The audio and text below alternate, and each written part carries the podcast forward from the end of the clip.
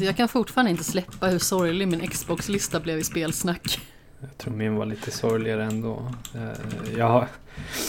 Det var ju efter ett avsnitt där, då, det var då jag fick för mig att jag var tvungen att starta min 360. Jag har den i sovrummet och startade den en gång sedan jag flyttade hit. Eh, Och då jag startade den så tog jag Jimmys rekord i pacifism i Geometry Wars. Ja, fy fan. Det är bara helt stört. Men alltså det är så himla fult, för när jag hade tagit mig förbi typ så här position 5, 4 och 3 så kände jag mig lite typ pirrig att få prata om något annat än Gears of War. Och precis när jag säger Ori and the Will of the Wisps minns jag ju att jag recenserade det typ ett halvår senare när det kom till Switch. Nej. Alltså det är lite som när min bror och hans flickvän, eller numera fru då, hälsade på när jag och mina föräldrar bodde vid en bergsjö och vi allihop skulle fula oss och ta ett nattadopp. Och så fick min bror för sig att han skulle bada näck. Så han hoppade ut från klipporna och splittade benen och mitt i hoppet så kom han på att han inte hade badbyxor på sig. Och att det skulle bli typ ett pungplask. Jag känner liksom att Xbox-listan, det är typ mitt pungplask. Smärtsamt och omöjligt att förhindra. Välkommen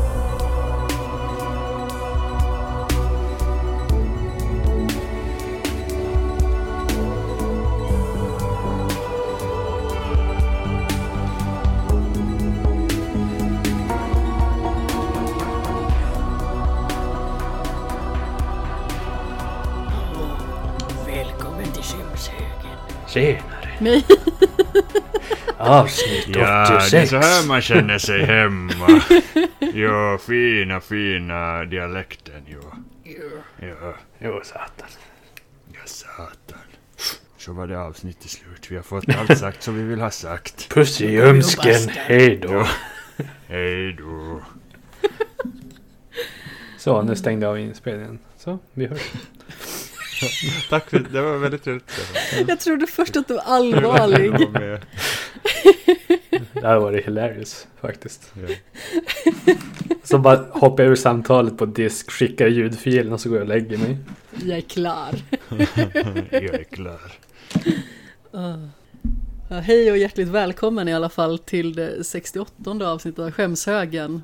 Och mitt emot mig sitter Jimmy Seppele. Det gör jag. Och på andra sidan internet sitter Stefan Olin. God kvällens. God dagens. God kvällens. Jag visste att jag gillade dig Stefan. Innan god kvällen så var han bara okej. eller Ja, vadå? precis. Ja, men alltså, jag säger att Stefan nu tog vår relation till nästa nivå. Hej, hej. Oj oj, Hallå! börjar jag vara orolig. Eller blir det någon form av så här polygami här? Jag vet inte. Jag heter i alla fall Amanda Sten, det glömde Du- jag att säga. Det beror på hur mycket du gillar Stefan. Jag tycker att Stefan är okej. Ja, vänta bara Stefan, du har lite att jobba på. Vänta bara tills jag börjar säga god dagens jag också. ja. Ja, då pirrar det till. Oh, Stefan på en torsdag. Aj, aj, aj. Men hur är det med dig Stefan, är det bra? Det är bara bra. Det ska, ska inte klaga. Härliga tider. Hur är det med Jimmy? Det är också bra. Är det bra trots eh, vaccinsprutan? Jajamän, min arm ger typ upp, men jag kämpar på. Vad sorgligt det lät.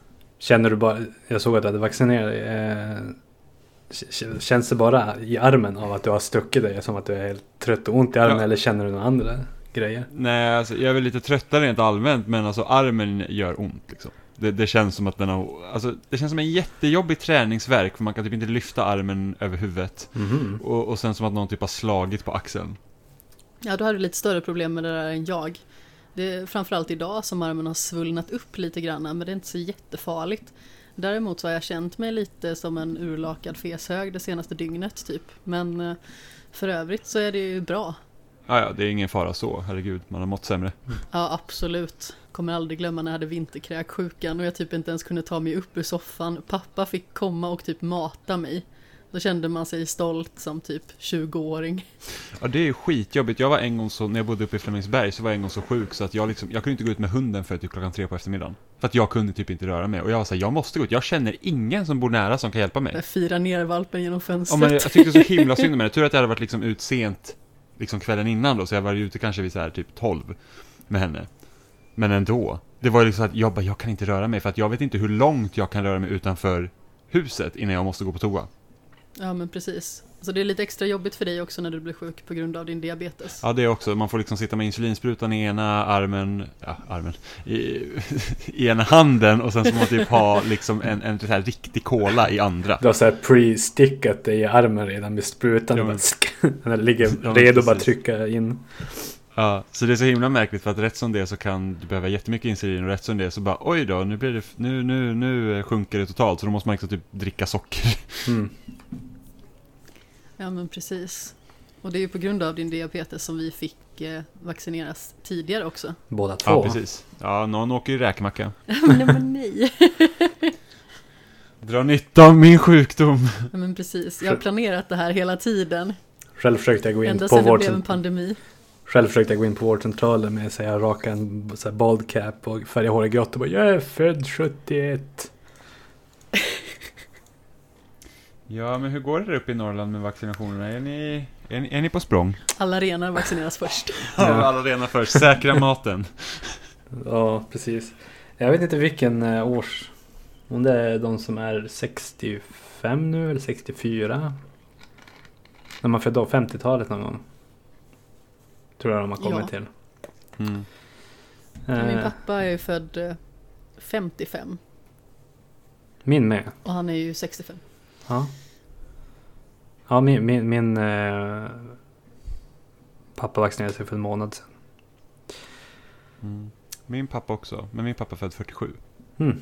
Ja, din pappa är lite äldre. Ja, han är lite äldre, men det, Han är född Stockholm, Han är född Stopp. 47 men han är fortfarande 65. Men de, eh, Stockholm var ju, alltså det har verkligen gått upp och ner där uppe med vaccineringen. Jag vet att andra människor eller vänner som jag känner som också har diabetes, de har ju vaccinerat för kanske typ en och en halv månad sedan. Mm. Så där var jag väldigt sen där, men samtidigt så, så tror jag att här nere har de nog varit snabbare på åldersgrupperna än vad de har varit uppe i Stockholm. Men sen är det så kul i Stockholm, bara, nej, vi vet inte varför det tar så lång tid, det är sjukhusens fel och sen skyller de på någon regeringen och sen är det regionernas fel och man var så här, ja, hur, hur, hur var det nu när man sålde ut eh, sålde ut liksom sjukvården till privata aktörer. Blev det så bra? Det gjorde ju så att det blev så himla svårt för det fanns inget eh, bra system att liksom få runt. För alla har olika eh, liksom, System. system, precis, som, som de måste gå efter. Så att då, då finns det liksom inget uniformt system att jobba efter. Det är väldigt mycket system här, men det, ja, så är det. Men idag i alla fall så har vi ju tre samlats här för att Eh, prata lite om eh, att samarbeta i spel eller kanske försöka att förgöra varandra i spel. Spel som man spelar ihop helt enkelt. Alltså sommaren börjar ju närma sig och det kanske finns möjlighet att man ska kunna spela tillsammans i samma rum. Men om så inte är fallet så finns det ju alltid möjlighet att spela över nätet. Så vi hade ju tänkt att diskutera olika kooperativa upplevelser helt enkelt som ligger oss varmt om hjärtat. Tänker jag börja med dig Stefan. Vad har du liksom för relation till spel att spela ihop? Eh, jag skulle vilja säga att co-op är väl det är egentligen där ens bästa spelminnen på något sätt har byggts upp genom åren. Jag, jag har alltid tyckt om co-op nästan eh, framför allt, allt annat. Eh, jag har gillat när spel har även som hela kampanjen i co-op. Eh, så att jag Co-op är bra. Och det är synd att det blir mindre och mindre sånt nu för tiden. Minns du vilket första var du spelade? Eh, där du menar när man spelar, spelar samtidigt? Yes. Eh, det kan ha varit kan ha varit första kontra tror jag på 8 bitars. Ja. Det har jag minnen av. En klassiker. Ja, precis. Svårt som attsiken. Det, det är det. Jag dog säkert två gånger innan jag klarade ut det första gången. Ja, ja, gud. Dåligt, Stefan. Jag testade det en gång och så kom jag på att jag var sämst. Men visst är det co-op i Chip and Dale Rescue Rangers? Ja, det är det ju. Det, det har jag också spelat mycket. Då måste det vara det första för mig. Helt enkelt, för det hade mina kusiner. Och vi brukade ju köra Super Mario Bros 3, så in i Norden. Mm. Men då körde vi liksom så här var tredje bana, var tredje liv systemet i stort sett. Ibland så körde vi typ att den ena var Mario och den ena var Luigi om inte den tredje personen var med. Mm. Men det måste nog vara Chip and Dale faktiskt som var det första. Det är svårt också. Det är något med Capcoms titlar på På NES. Ja, men det, det är något med titlar på NES, punkt. Gamla spel i allmänhet är ju så himla klurigt. Ja. Jag tror att första co-spelet för mig var antingen Bubble Bobble Mm. eller eh, World of Illusion starring Mickey Mouse och Donald Duck. Ah. Det önskar jag att någon liksom skulle typ släppa igen. För jag vet, Castle of Illusion fick ju en remake som såg typ skitdåligt ut för att jag hatar verkligen när man gör såhär 2.5D liksom. Mm. Ehm, Men, men, det ser ut som att det är typ ett ark som rör sig. ja men typ såhär, Splosion Man. Oavsett hur kul det spelet är så är det ju fan grisfult. Eh, men i alla fall, så jag kommer ihåg World of Illusion för vi var hemma hos några familjebekanta då och spelade vi. Och vi förstod liksom inte Jag, jag måste liksom kolla en bild och se om jag spelar. World of... För, för att man skulle liksom, eh, man skulle typ gå under några sådana här typ eh, trädrötter. Och, och Kalle är för tjock för att komma igenom. och vi fattar liksom inte, det gick inte att hoppa och vi fattar liksom inte, hur fan ska man liksom komma runt där? Och då visar det sig att Musse måste dra Kalle ur hålet där. Är lite som Timon och Pumba. Ja men lite så. Jag kollar på det. Försöker äta upp mig! Det här, det här har, jag, har jag faktiskt spelat en hel del nu när jag ser bilderna. Det var ju hur, hur bra som helst. Mm. Och jag älskar ju liksom verkligen Kalanka eh, när jag var liten. Så att det är ju, jag tycker fortfarande om Kalanka. Så det är typ, vi prenumererar på, jag läste varenda så här Kalanka och company från typ 87 till 2002 eller något sånt där. Vi hade så här stora album. Eh, Jag läste Scooby-Doo. Scooby-Doo. Scooby-Doo är skitbra. Kalanka är skitbra. Jag vet inte, jag har aldrig liksom fäst mig vid Kalle på Nej, något jag vis. Inte. Musse Pigg heller. Och sen typ DuckTales och... Jag såg ju nya, eh, nya versioner av DuckTales. Eh, Mhm. De två säsongerna som finns på Disney Plus och de är faktiskt riktigt, riktigt bra.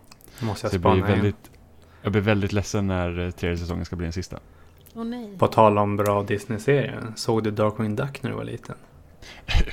Om jag gjorde det. Vi, har in, vi hade inspelat på VHS. Ja, vi har också Och det det. finns- Vi har alla... eh, vi spelar alltid in, eller mamma spelar alltid in Disney Ducks på VHS. Ja. Så vi hade högvis med VHS-band och Disney Ducks. Och de gick ju på repeat hemma, alla kassetterna om och om igen.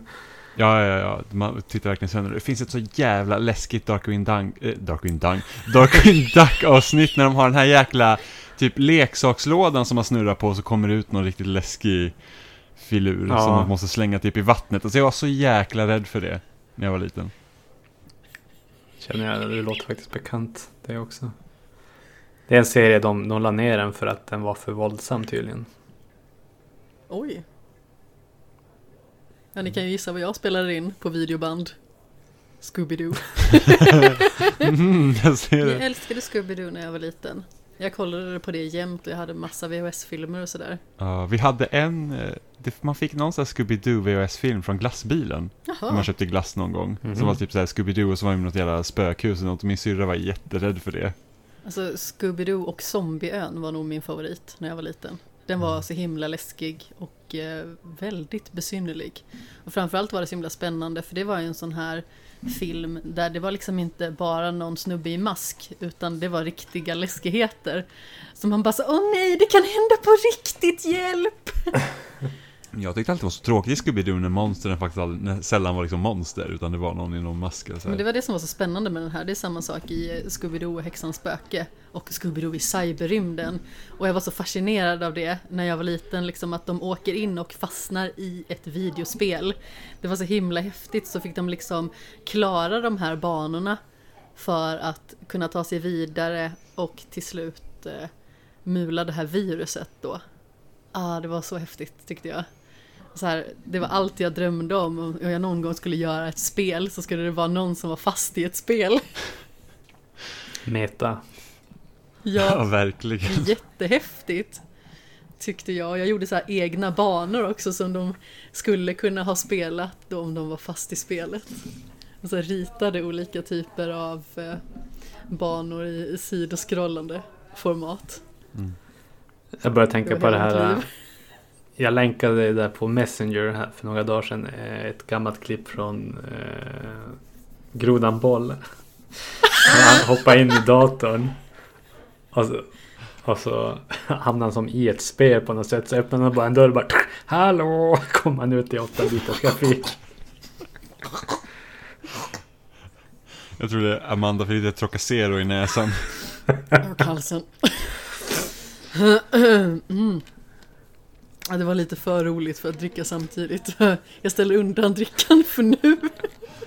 Ren säkerhetsåtgärd. Ja, absolut. Vi vet ju vad som kan hända annars. Alltså, bara- jag har haft en himla otur med den här eh, Nocco legendsoda. För den är så himla god och jag tror att de har återkallat den. Mm. Just på grund av att varje gång jag har köpt en sån, det spelar ingen roll hur länge den har varit stilla, så pyser den över. Så jag måste alltid typ ställa mig vid en soptunna eller en vask eller någonting när jag ska öppna den. Bara för det pyser alltid över. Så det måste vara någonting med ration i den produktionen som liksom har blivit Kaiko. Jag vet inte, men det är supermärkligt. Mm. Jag vill inte att de ska sluta sälja den för det är den bästa. Den smakar typ som energidricka med Trocadero-smak ungefär. Okej. Det är fantastiskt. Vad sa du att den heter? Eh, Nocco Legend Soda. Mm. Den är jättegod. Men eh, nu ska vi inte göra allt för mycket reklam för eh, Trocadero och eh, Nocco. Mer än nödvändigt. Vill du göra lite reklam för Cola Zero kanske, Jimmy? Nej, de har ju bytt smak. Har de det? Jag har inte druckit Cola Zero på länge. Nej, jag, alltså jag tyckte Är du team Pepsi Max, Stefan? Nej, nej, Stefan, det får det inte vara. Jag tar lite av varje. Helst tar jag Vanilla Cola Zero. Ja, okej, Åh, den är jättegod. Den är fantastiskt god. Eh, nej men de bytte smak på Cola Zero och jag tyckte verkligen att Alltså förra Cola Zero, jag tyckte den var så himla god så att den var ju mycket bättre än vanlig Cola. Mm. Eh, för vanlig Cola är så jävla söt nu när man liksom var med Zero. Och du kan inte dricka den heller för då dör du. Ja men ja, precis, det är ju den lilla grejen också. Men, men just att En liten nackdel. men Zero, Zero är ju faktiskt jättegott. Eh, och så bytte de smak och den liksom, den har, den har fått en jättekonstig bismak. Den har inte alls lika mycket kolsyra i sig. Så att det, det, nej, den smakar märkligt. Mm. Men det är inte så mycket att göra åt det för att eh, det är det jag måste dricka. Det är bara att fortsätta Hårt dricka. liv. Den kanske blir god. Det är en vacker dag. Ja, men precis. För Du pimplar ju det som attan i alla fall, så det är inte precis som att du kommer sluta med det. Men jag dricker mycket. Lätt stabilt. Ja, Nej men du gillar cola. Helt ja men, ja, ja, men alltså jag, jag dricker, alltså jag har aldrig varit förtjust i så jag har aldrig varit så här riktigt så här som dricker jättemycket läsk förutom co- cola. Alltså så länge jag kan minnas har jag typ kört på Pepsi Max. Jag tror att när jag var liten så gillade jag nog Sprite Zero mest. Om det fanns. Annars var det nog Sprite. Det fanns också sån här Hugo-läsk med trollet Hugo. Ja. Den var så himla god. Nej, Jo, den var jättegod och så var den grön. det är sånt som man skulle kunna kalla läskeblask i uh, Kalle Anka Company. God läskeblask. Nej. På tågen har vi i alla fall Pepsi Max. Så att det blir väl, har blivit mer Pepsi Max på senaste än Cola Mhm. Zero. Perfekt. Nu är du på plus Stefan här. Nu pirrar det till. Jajamän. Jag känner att vi börjar liksom få en eh, Förståelse för varandra. Mm. Men jajamän Stefan också dricker syndvätska. syndvätska. Det är så himla fult. Och korrekt. Jag kommer inte ens ihåg varför du kallade det syndvätska från första början. att du frågade om jag ville ha det för att min cola var slut och så att nej, jag vill inte ha sån där syndvätska. Just det, så var det. Så himla besynnerligt. Det låter som något helt annat som är snuskigt. Det låter som Pepsi Max. Nej, det gör det inte. Men hur som haver i alla fall. Vi har beslutat oss för att eh, prata om eh, våra co-op-upplevelser i form av listor. Och då har vi valt ut fem spel var som vi helt enkelt vill lyfta upp lite extra. Och då tänker jag att vi ska börja med dig Stefan.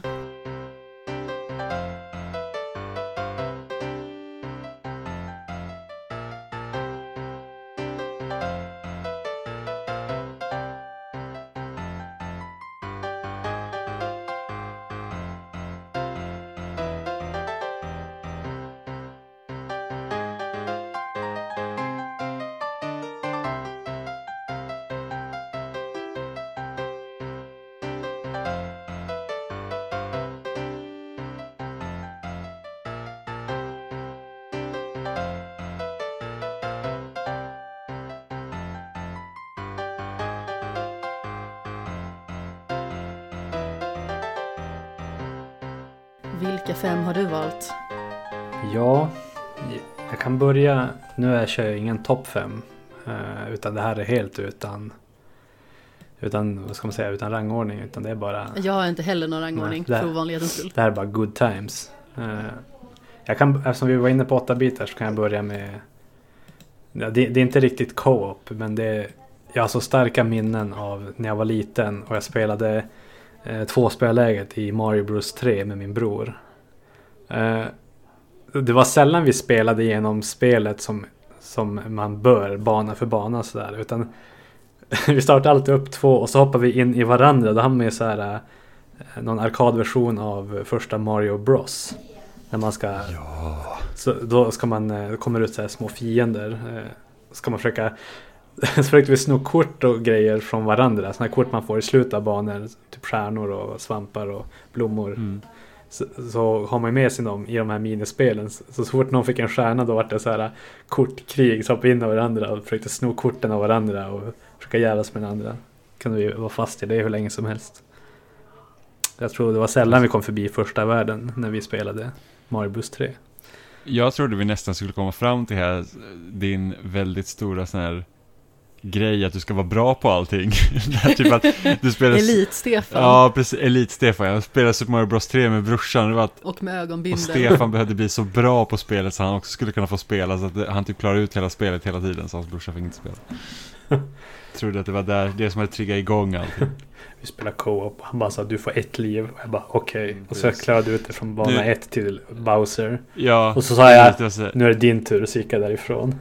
Ja, nu ska vi spela, du spelar grön Mario. Let's go. Grön Mario. Vad risigt. Ja. Så jag tyckte den fick vara med på listan som ett tidigt minne. Eh, ja, vart ska man hoppa härnäst? Jag försöker eh, hoppa lite i tids, Det vet bara du. Jag, har, jag har inte spoilat för er. Ni har inte, jag har inte läkt min lista online. Eh, jag kan hoppa över till eh, Overcooked.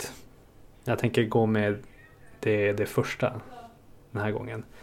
Eh, det är lite, det har varit den här svackan av att det inte har funnits så mycket co-op-spel. Speciellt sådana här eh, som man spelar på samma, samma tv. I delar av soffa liksom. Eh, och då körde jag en Overcooked med en kompis. Vi, skulle, vi, vi hade kollat film den kvällen och så sa jag bara "Ah, jag har köpt Overcooked. Ska vi bara kolla lite vad det är för någonting? Och så startade vi upp det och sen helt plötsligt hade det gått några timmar och vi hade fått tre stjärnor på alla banor och klarat ut det 100% i en sittning. Eh, Vad oväntat. ja, så det, Stefan. det, det var någon, eh, jag vet inte, det var det, jag tror det var för att det var så länge sedan man gjort någon sån här couch co-op i alla fall för min del. Och det är som triggade igång någon nästan nostalgisk glädje på något sätt. Man gör så här, något gemensamt och så är Overcooked ett sådant hysteriskt spel i sig. Eh, det är inte ofta man, man skriker på den som sitter 30 centimeter från en bara Du skulle ju hacka löken! Vad händer? Vi behöver diska! Någon till disken! Ja, Stefan goes full Gordon Ramsay när han kör Overcooked. It's rotten! Men hur kommer det sig att du valde It's ettan, raw! ettan framför tvåan? Jag tror att göra med, med timen på hur att man inte upplevt spelmässigt är tvåan bättre tycker jag. För de eh, förbättrade hela konceptet. Eh, Jag tänkte mest över, över känslan, co-op-känslan som har varit frånvarande under en längre stund. Det är i alla fall för min del. Så där, Ja. så där fick jag Alltså- ettan före. Ja, Jag spelade Overcooked tillsammans med Emma och Robin. Eh, och första spelet var ju anpassat för antingen två spelare eller fyra spelare. Ja. Så när vi var tre spelare så var det ju precis lika svårt som när man skulle vara fyra. Mm. Men då fattas ju en person, så jäklar vad man fick springa runt i det jävla köket alltså. Hur mycket skulle Robin effektivisera allt? Ja men eh, Rob, Robin är bra på att effektivisera saker, men ibland så kan så, alltså Det- det kan bli lite för mycket för honom när det pågår så många saker, så att då behöver man ha någon som styr upp lite, och det är jag bra på. så att eh, det var typ så här, åh, Emma har problem, så helt plötsligt skulle Robin vara på tre olika stationer samtidigt, och då fallerar allt totalt. Och man bara, nej men alltså nu måste vi ha våra roller här, annars funkar det liksom inte. Eh, så att det, Jag spelade ju Overcooked med min kompis Maja och eh, hon har inte spelat så himla mycket tidigare. Det här var faktiskt på min eh, födelsedag för två år sedan. Hon kom över, vi käkade lite thai och spelade Towerfall och så spelade vi Overcooked. Och det är så himla roligt för att jag gillar ju att vara ganska så lugn av mig egentligen. Men då fick ju jag vara den stissiga som domderade. Så det blev ju helt galet och hon bara så här flög runt som en förgiftad fis. Förgiftad fis. De är kända för att flyga runt. Ja, inte konstigt att man känner sig lite dåsig halvt om halvt på morgonen när man vaknar. Om det är sånt som kryper ut. För näsan för nära röven menar du? Mhm. Vem är det som har kännedom om förgiftiga fisar här? Ja, jag lever ju med dig. Nej! Det gör jag visst. Ja, det gör du. Men jag gör inga förgiftade fisar. Vi kan säga det. Det kommer ut rosor och palettblad. Mandelblom. Jimmy har tjejfisar. Mm. Jag har här in, har ingen rumpa. ja, jag har inbyggd glade. Det lät väldigt, väldigt, väldigt äckligt. Och en sån här en, eh, toaspray. Jag förstod. Mm. Ja, men jag kom bara på Glade, det finns ju andra märken men det var så här, Glade hade vi på jobbet så att jag hade sett den idag så att det var så här okej, kör på en Glade. Mm. Som den på jobbet som apelsinade. Ja, på ditt jobb igen. Ja. Det var någon på jobbet som alltid gick och bajsade och sedan sprayade med apelsinspray så himla hemskt starkt. Det var som att gå in i en vägg. Mm. Det var verkligen fruktansvärt. Man bara så här, jag vet inte om jag hellre hade tagit bajslukten eller den här starka apelsinlukten. Alltså kombinationen, det är typ att bli knockad i en halvtimme. Plot twist, personen gick bara in och fes. Och sedan så skedde en liten, liten atombomb. Ja men precis, jag kan tänka dig hur illa den fisen måste ha luktat om det liksom krävde att man tömde två flaskor Glade. Ja, det är tredje spel, Stefan. Just det. Ja, men då hoppar jag in på... Det här har jag faktiskt ungefär 850 timmar i. Eh, Jag kollar på Ursäkta? Steam. Eh, och det är Dead by Daylight. Jaha, Det är då Det ett spel värsta. som går ut på att man som fyra stycken överlevare ska eh, reparera fem generatorer och öppna en port för att fly.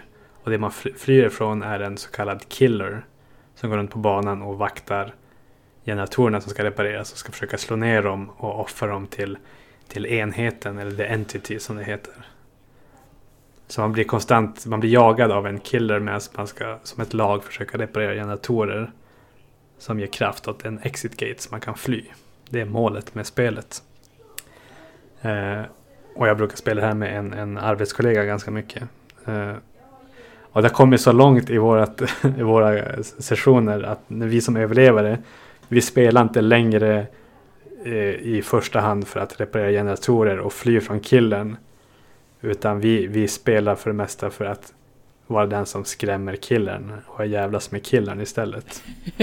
Gud. För det, såklart. både killen och överlevare har olika perks i spelet så att säga. Och det finns eh, Det finns till exempel skåp man kan gömma sig i. Man kan smälla ner en träpall när killen kommer för att stunna killen. Och det är just det här att när man stunnar en killer som är så himla roligt. För då blir de ståendes i typ vad är det, två sekunder eller någonting. Eh, och kan inte röra sig. Och då finns det en perk i spelet som gör att man kan hoppa ut från skåpen när de går förbi. Och stunna dem med hjälp av att man hoppar ut så kraftigt från skåpen. Så här har vi alltid någon som gömmer sig i ett skåp och så försöker den andra locka till sig killen. Och så springer de förbi skåp. Så hoppar de ut och stunnar dem. Och så springer de iväg och blir jagade. Och, den, och när de blir jagade då hoppar den andra in i typ helst exakt samma skåp. Och lurar förbi killen där igen strax därefter. Gud. Det- Ja men Dead, Dead by Daylight är ett så speciellt spel också för att det Alltså speciellt när man är nybörjare på det, då, är det, ju- då känns det ju verkligen som att man sitter och spelar ett skräckspel. Alltså jag var ju livrädd Ja, ja, ja. första gången jag spelade Dead by Daylight, och var Survivor, och sen var det bara jag kvar överlevande och så gömde man sig, fick in alltså jag verkligen smög ut på banan och det där jäkla äcklet liksom bara flög runt och letade efter den, det var skitläskigt. Det kan fortfarande vara, vara läskigt. Det finns eh, I vanliga fall hör man som ett hjärtslag. Eh, det kallas för terror radius när killen kommer nära. Men det finns även eh, killers som eh, Ghostface, den här mördaren från Scream-filmerna till exempel. Eller Ah. Mike Myers från Fredag 13. Eh, de har ingen terror radius när de kommer. De kan Mm. vara tysta när de kommer. Så ibland bara, när man sitter och minding your own business och så råkar man ha kameran åt fel håll kan de bara komma från ingenstans och slå en. Finns det, då måste jag bara fråga om han från Halloween-filmerna, har han, är, är hans ledmotiv med i spelet? Det är med när man hoppar in på en av hans banor. Då börjar banan med det ledmotivet. I Ah, typ, alltså det typ två, tre sekunder och sen börjar det som vanligt. Alltså Halloween 2 kommer jag ihåg att när jag var liten och såg det, då var det typ en av de läskigaste filmerna och det var ju på grund av att eh, musiken var ju så himla läskig. Mm. Så att, eh, nej det var, det, var, det var verkligen inte kul. Men, eh, men jag tror jag spelade 850 timmar alltså. Mm. Det har jag. Hur? Man startar, kör en match, sen bara äh, vi kör en till, äh, vi kör en till. Och så upprepar man det typ 400 gånger. Jag tror anledningen till att jag inte har spelat Dead by Daylight mer för att jag, jag är inte jätteförtjust i liksom perksystemet och hur lång tid det tar att levla och sådär. Jag tycker att det, liksom, det blir för komplicerat och jobbigt. Mm. Det är inte nybörjarvänligt. Det ska jag säga. Att Mm. det är brant inlärningskurva. Speciellt om du ska spela överlevare. Det är som tar, tar tid att lära sig kartorna. Hur man ska lura killen och springa runt. Och vart man ska hoppa över fönster och allt sånt där. För att för, kom, få en att tappa bort den. Det är, men det är som när man har kommit nog djupt i, i, där, in the rabbit hole så att säga.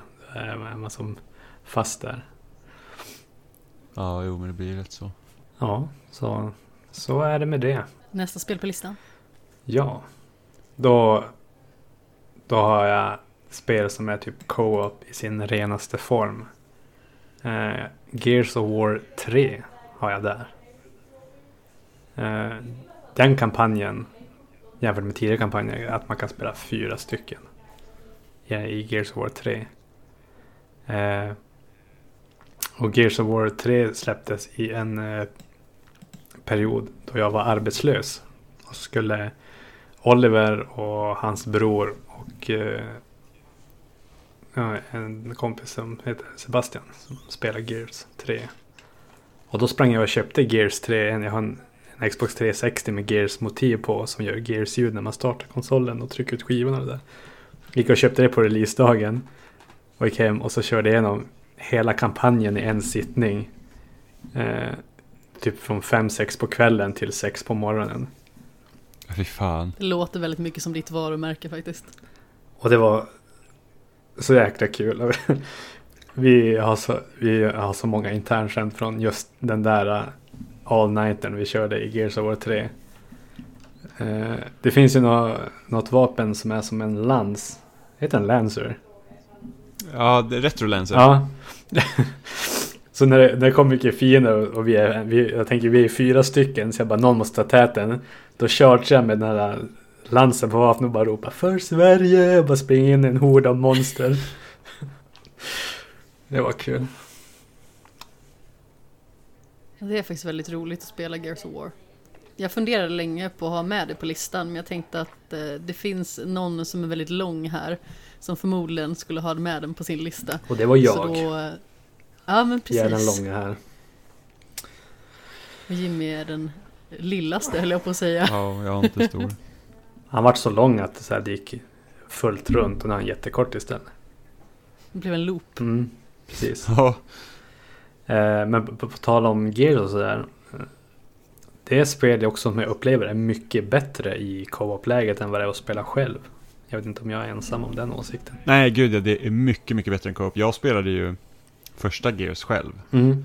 Eh, och var så att, ja men det är väl, det är okej. Och sen så fick jag tvåan i julklapp och var så att, ja men det är väl rätt så kul liksom att spela och skjuta lite saker. Men det var först sen när jag, och Robin spelade de spelen tillsammans och liksom började spela på olika svårighetsgrader som det verkligen liksom var så att, wow, det här är ju jättekul liksom. Mm.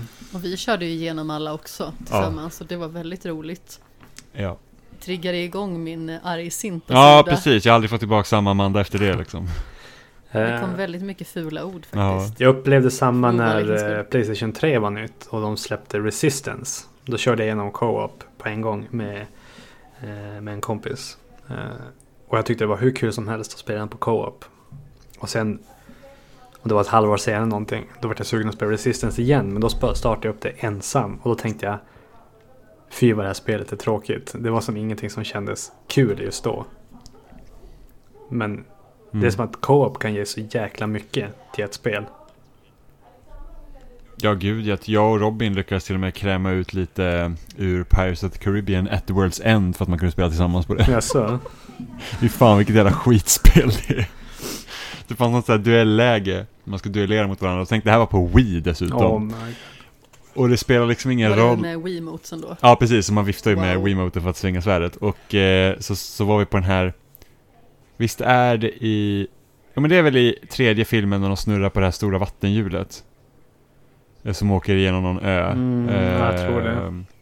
Och då finns det en, en bana där som man liksom kan duellera mot varandra när man står och rullar ner på det här hjulet. Och det är liksom, svingar man sitt svärd konstant, då är man liksom i ett dödläge. Du kan liksom inte vinna. Okej. Båda, det räcker med att båda bara svingar svärden hela tiden. Så, så, så, så, vi, så vi satt, och det är så himla fult för att det fanns en, en karaktär som hette Mordilla. Och jag och Robin, det här kanske var typ tre på natten eller någonting sånt. Och, och vi satt och han valde den här Mordilla och så satt vi typ och sjöng en påhittad låt samtidigt som vi bara svingade Wiimotesen runt omkring för att det var så jäkla tråkigt. Det är inte ett bra spel. Det låter sådär faktiskt. Ja, jag, jag, förstår, jag förstår liksom inte att man aldrig lär sig att man inte ska köpa så här filmlicensspel. Och speciellt inte på den liksom tiden. Men jag, var, jag gillade Pirates. Förutom. Spider-Man 2 på GameCube. Jag spelade aldrig Spider-Man 2. Mm. Det ska ha varit jättebra, men liksom så här typ... Jag tror inte det har åldrats bra. Jag lever det. Jag har ju spelat, har inte spelat det sedan det släpptes. Men det var bra. Du lever en lögn. Ja, Fast folk, jag tror folk håller det fortfarande ganska högt i alla fall, liksom om man tänker då på den tiden, Ja. att det var väldigt bra. ja. Jag har faktiskt ingen aning om jag ska vara helt ärlig. Mm. Jag kommer ihåg att jag hade The Amazing Spider-Man till Game Boy. Ja, Fast det kan också säkert ha varit ganska bra. Gameboy-spel, alltså Harry Potter och ehm, Det vises sten på Gameboy, skitbra! Color. Det var, det var som ett litet liksom RPG. Mhm. Det, var- det, var, det var verkligen kanonbra det spelet. Hmm. Visst hade du ett spel kvar, Stefan? Det hade jag. Oj, oj, oj. Oj, oj, oj. Eh, innan jag kom dit, jag, jag har framme min Steam-lista här. Och jag ser, jag måste få dra någon liten bubblare innan jag går vidare. Eh, Det är okej. ja, Bubbla ur dig. det var, finns spel som heter We Were Here. På, på, på en, jag tror något har släppts i Playstation nu. I alla fall gratis. Eh, det är som ett... Det är gjort endast för co-op. Att man ska spela tillsammans. Eh, lite som ett escape room. En är på en sida av ett pussel, en är på andra sidan. Så kan enbart av att folk, man pratar med varandra lösa pusslen och komma vidare genom spelet. Riktigt kul om man gillar pussellösning och vet hur man pratar. Eh, Mm, nice. ja, det är så det kan jag... Och vet hur man pratar. Ja, Sa du det? ja. Annars kommer man inte långt. Det är jobbigt om man glömmer bort hur man gör ord alltså. Och det, ja, är man stum är det säkert skitsvårt. Speciellt, det är svårt att konversera te- teckenspråk så här över, över Skype. Eh, och så, Så fördröjning också på det. precis. Eh, och så ska jag bara nämna snabbt eh, Remnant from the Ashes. Spelade igenom förra sommaren. Det är lite Dark Souls möter Third Person Shooter. Ska man vara tre personer som går tillsammans och besegrar svåra bossar. Jättebra. Klarar du det på ett liv eller? Eh, Vi kan säga att jag gjorde det. Har du, har du spelat Dark Souls-spelen förresten? Eh, jag köpte Dark Souls 1 på release. Eh, Ja. med 2011. Men då när jag just hade flyttat till Umeå och jobbade så jäkla mycket. Och inte hann spela så mycket. Eh, så jag minns jag köpte en sån här limited day one edition av Dark Souls. Och så hade webbhallen Mm. en utlottning. Så jag vann en utgåva med autograf och spelets skapare också. Alltså alternativt! Japan-cover av Dark Souls. Så jag har Ja. haft den där bara hemma i hyllan, inplastad och allting. Fram tills i våras eh, när jag sålde iväg det på Tradera. Oj, vad fick du för det om man får Eh, fråga? typ en tusenlapp. Jaha. Det var inte så spännande som jag trodde. Hade du hoppats att det Nej. skulle bli någon jätte Ja, jag trodde också det var någon liksom kalassumma. Nej, jag, jag la ut det för en krona så tänkte jag vi ser vad som händer. Jag vet inte riktigt vad det är värt, speciellt när det finns remasters och sånt nu för tiden. Ja, men tänkte autograferna borde ju Ja. vara värt. Det beror på hur, hur besatt man är av, av han. Jo, det är sant. Eh, ja, nej men. Remnant from the Ashes, det var gratis på PS Plus också. Så det är kul att spana in. Eh, och så min sista på listan. Då la jag till faktiskt eh, Pokémon Go på, på listan. Ja, För det, det var någon magisk sommar där 2016. Eh, när det var nytt. Och det var så himla häftigt när det var nytt. Eh, jag minns i början då, då var jag först i, i Göteborg och hälsade på Oliver. Och då gick vi också runt hela kvällarna och nätter. Och det var någon hemsida som kunde tracka vart allting spanade. så eh, Olivers bror eh, Jeremy kom bara in dundrades nu spelade han bara Det har spanat en sån här nere på stan, vi måste gå, den försvinner om fem minuter! Alla bara hoppar i skorna bara kubbar ner på torget och bara fångar, fångar någonting. Eh, och så hade vi den här, Då kanske vi gick om varandra för att eh, jag också spelade Pokémon Go en hel del i Göteborg. eh, det här var ju i förorten i Bollebygd. Ah, det var ju Bollebygd, ja ja. Där var jag inte. Och Då var det svårt att springa om varandra.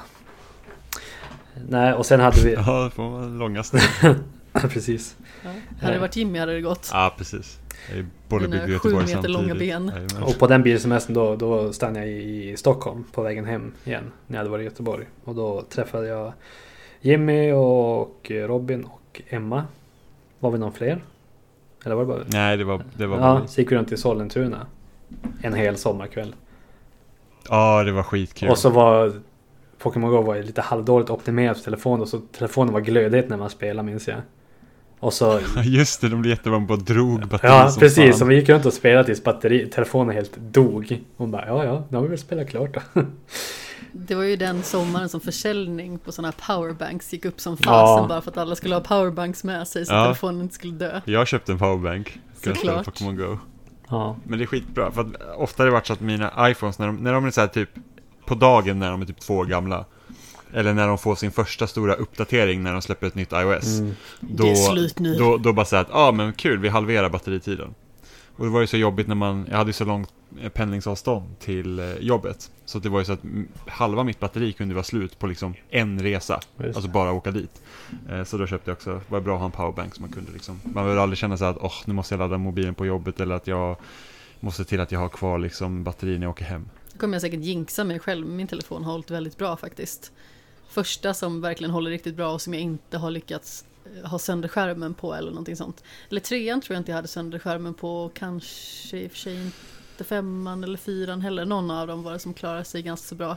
Men jag har ju haft åttan nu i typ två och ett halvt år måste det vara. Det är ändå imponerande för att min åtta var fan sämst. Vänta lite, nej det måste vara ännu längre sedan. Jag tror att Den kom Jag fick 2018 va? telefonen...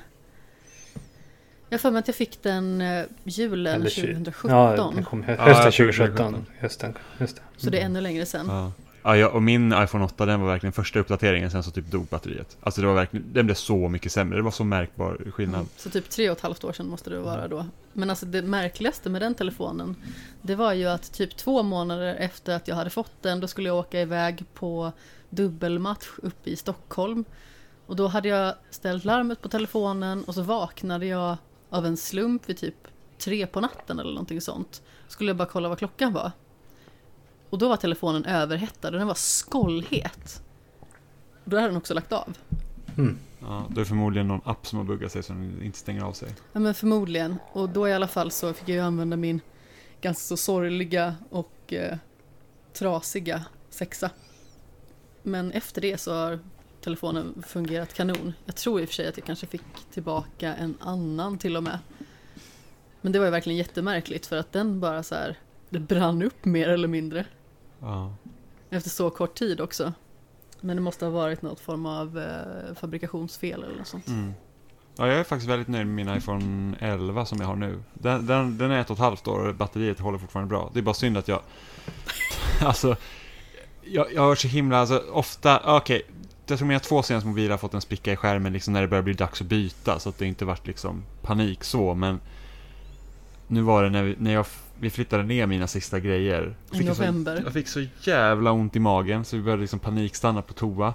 Och då hade jag på mig så här dåliga jävla mjukisbyxor med, med fickor som inte är så djupa. Så när jag sätter mig ner på toa, då glider telefonen i fickan rätt ner på golvet och det är liksom Ja, typ en femtedel av skärmen på ena sidan har liksom så här typ skumma ränder på sig så att ju mer man har på mobilen ju vitare blir de. Så man måste liksom stänga, man måste liksom stänga av skärmen emellanåt så att man fort kan se vad man håller på med. Alltså det roligaste med den här berättelsen det är ju att när vi åkte upp då hade du nya jeans på dig och benen började bränna på dig så himla mycket. just så det var därför du skulle åka i mjukisbyxor hem Ja. och du förbannade dig Ja. hela vägen hem på grund av det här sedan. Jag hade så jäkla, alltså det var, det var så jävla skumt med de här jävla jeansen, så jag var så här att, alltså, det, det, kändes som att liksom låren började brinna för att, av byxorna.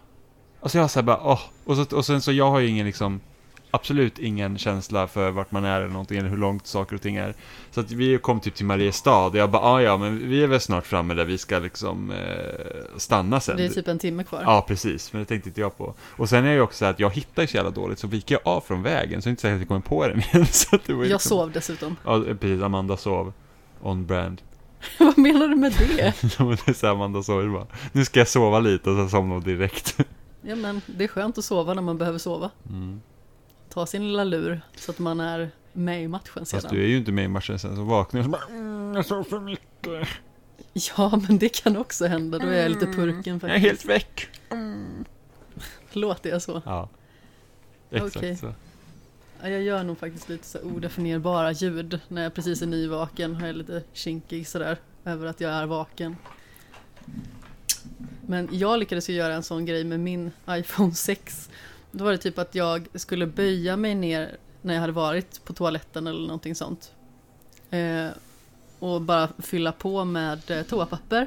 Och eh, då i alla fall så hade jag lagt telefonen på handfatets kant. Och då lyckas jag buffa till telefonen med min rumpa. Så att den trillar ner på det enda kattsandskornet som finns på golvet och spräcker hela skärmen. Så det var ett eh, sorgligt missöde. Men vad säger ni, ska vi hoppa över till eh, Jimmys lista? Ja, det kan vi, det kan vi Ja. göra. Det kan vi faktiskt Oh. göra.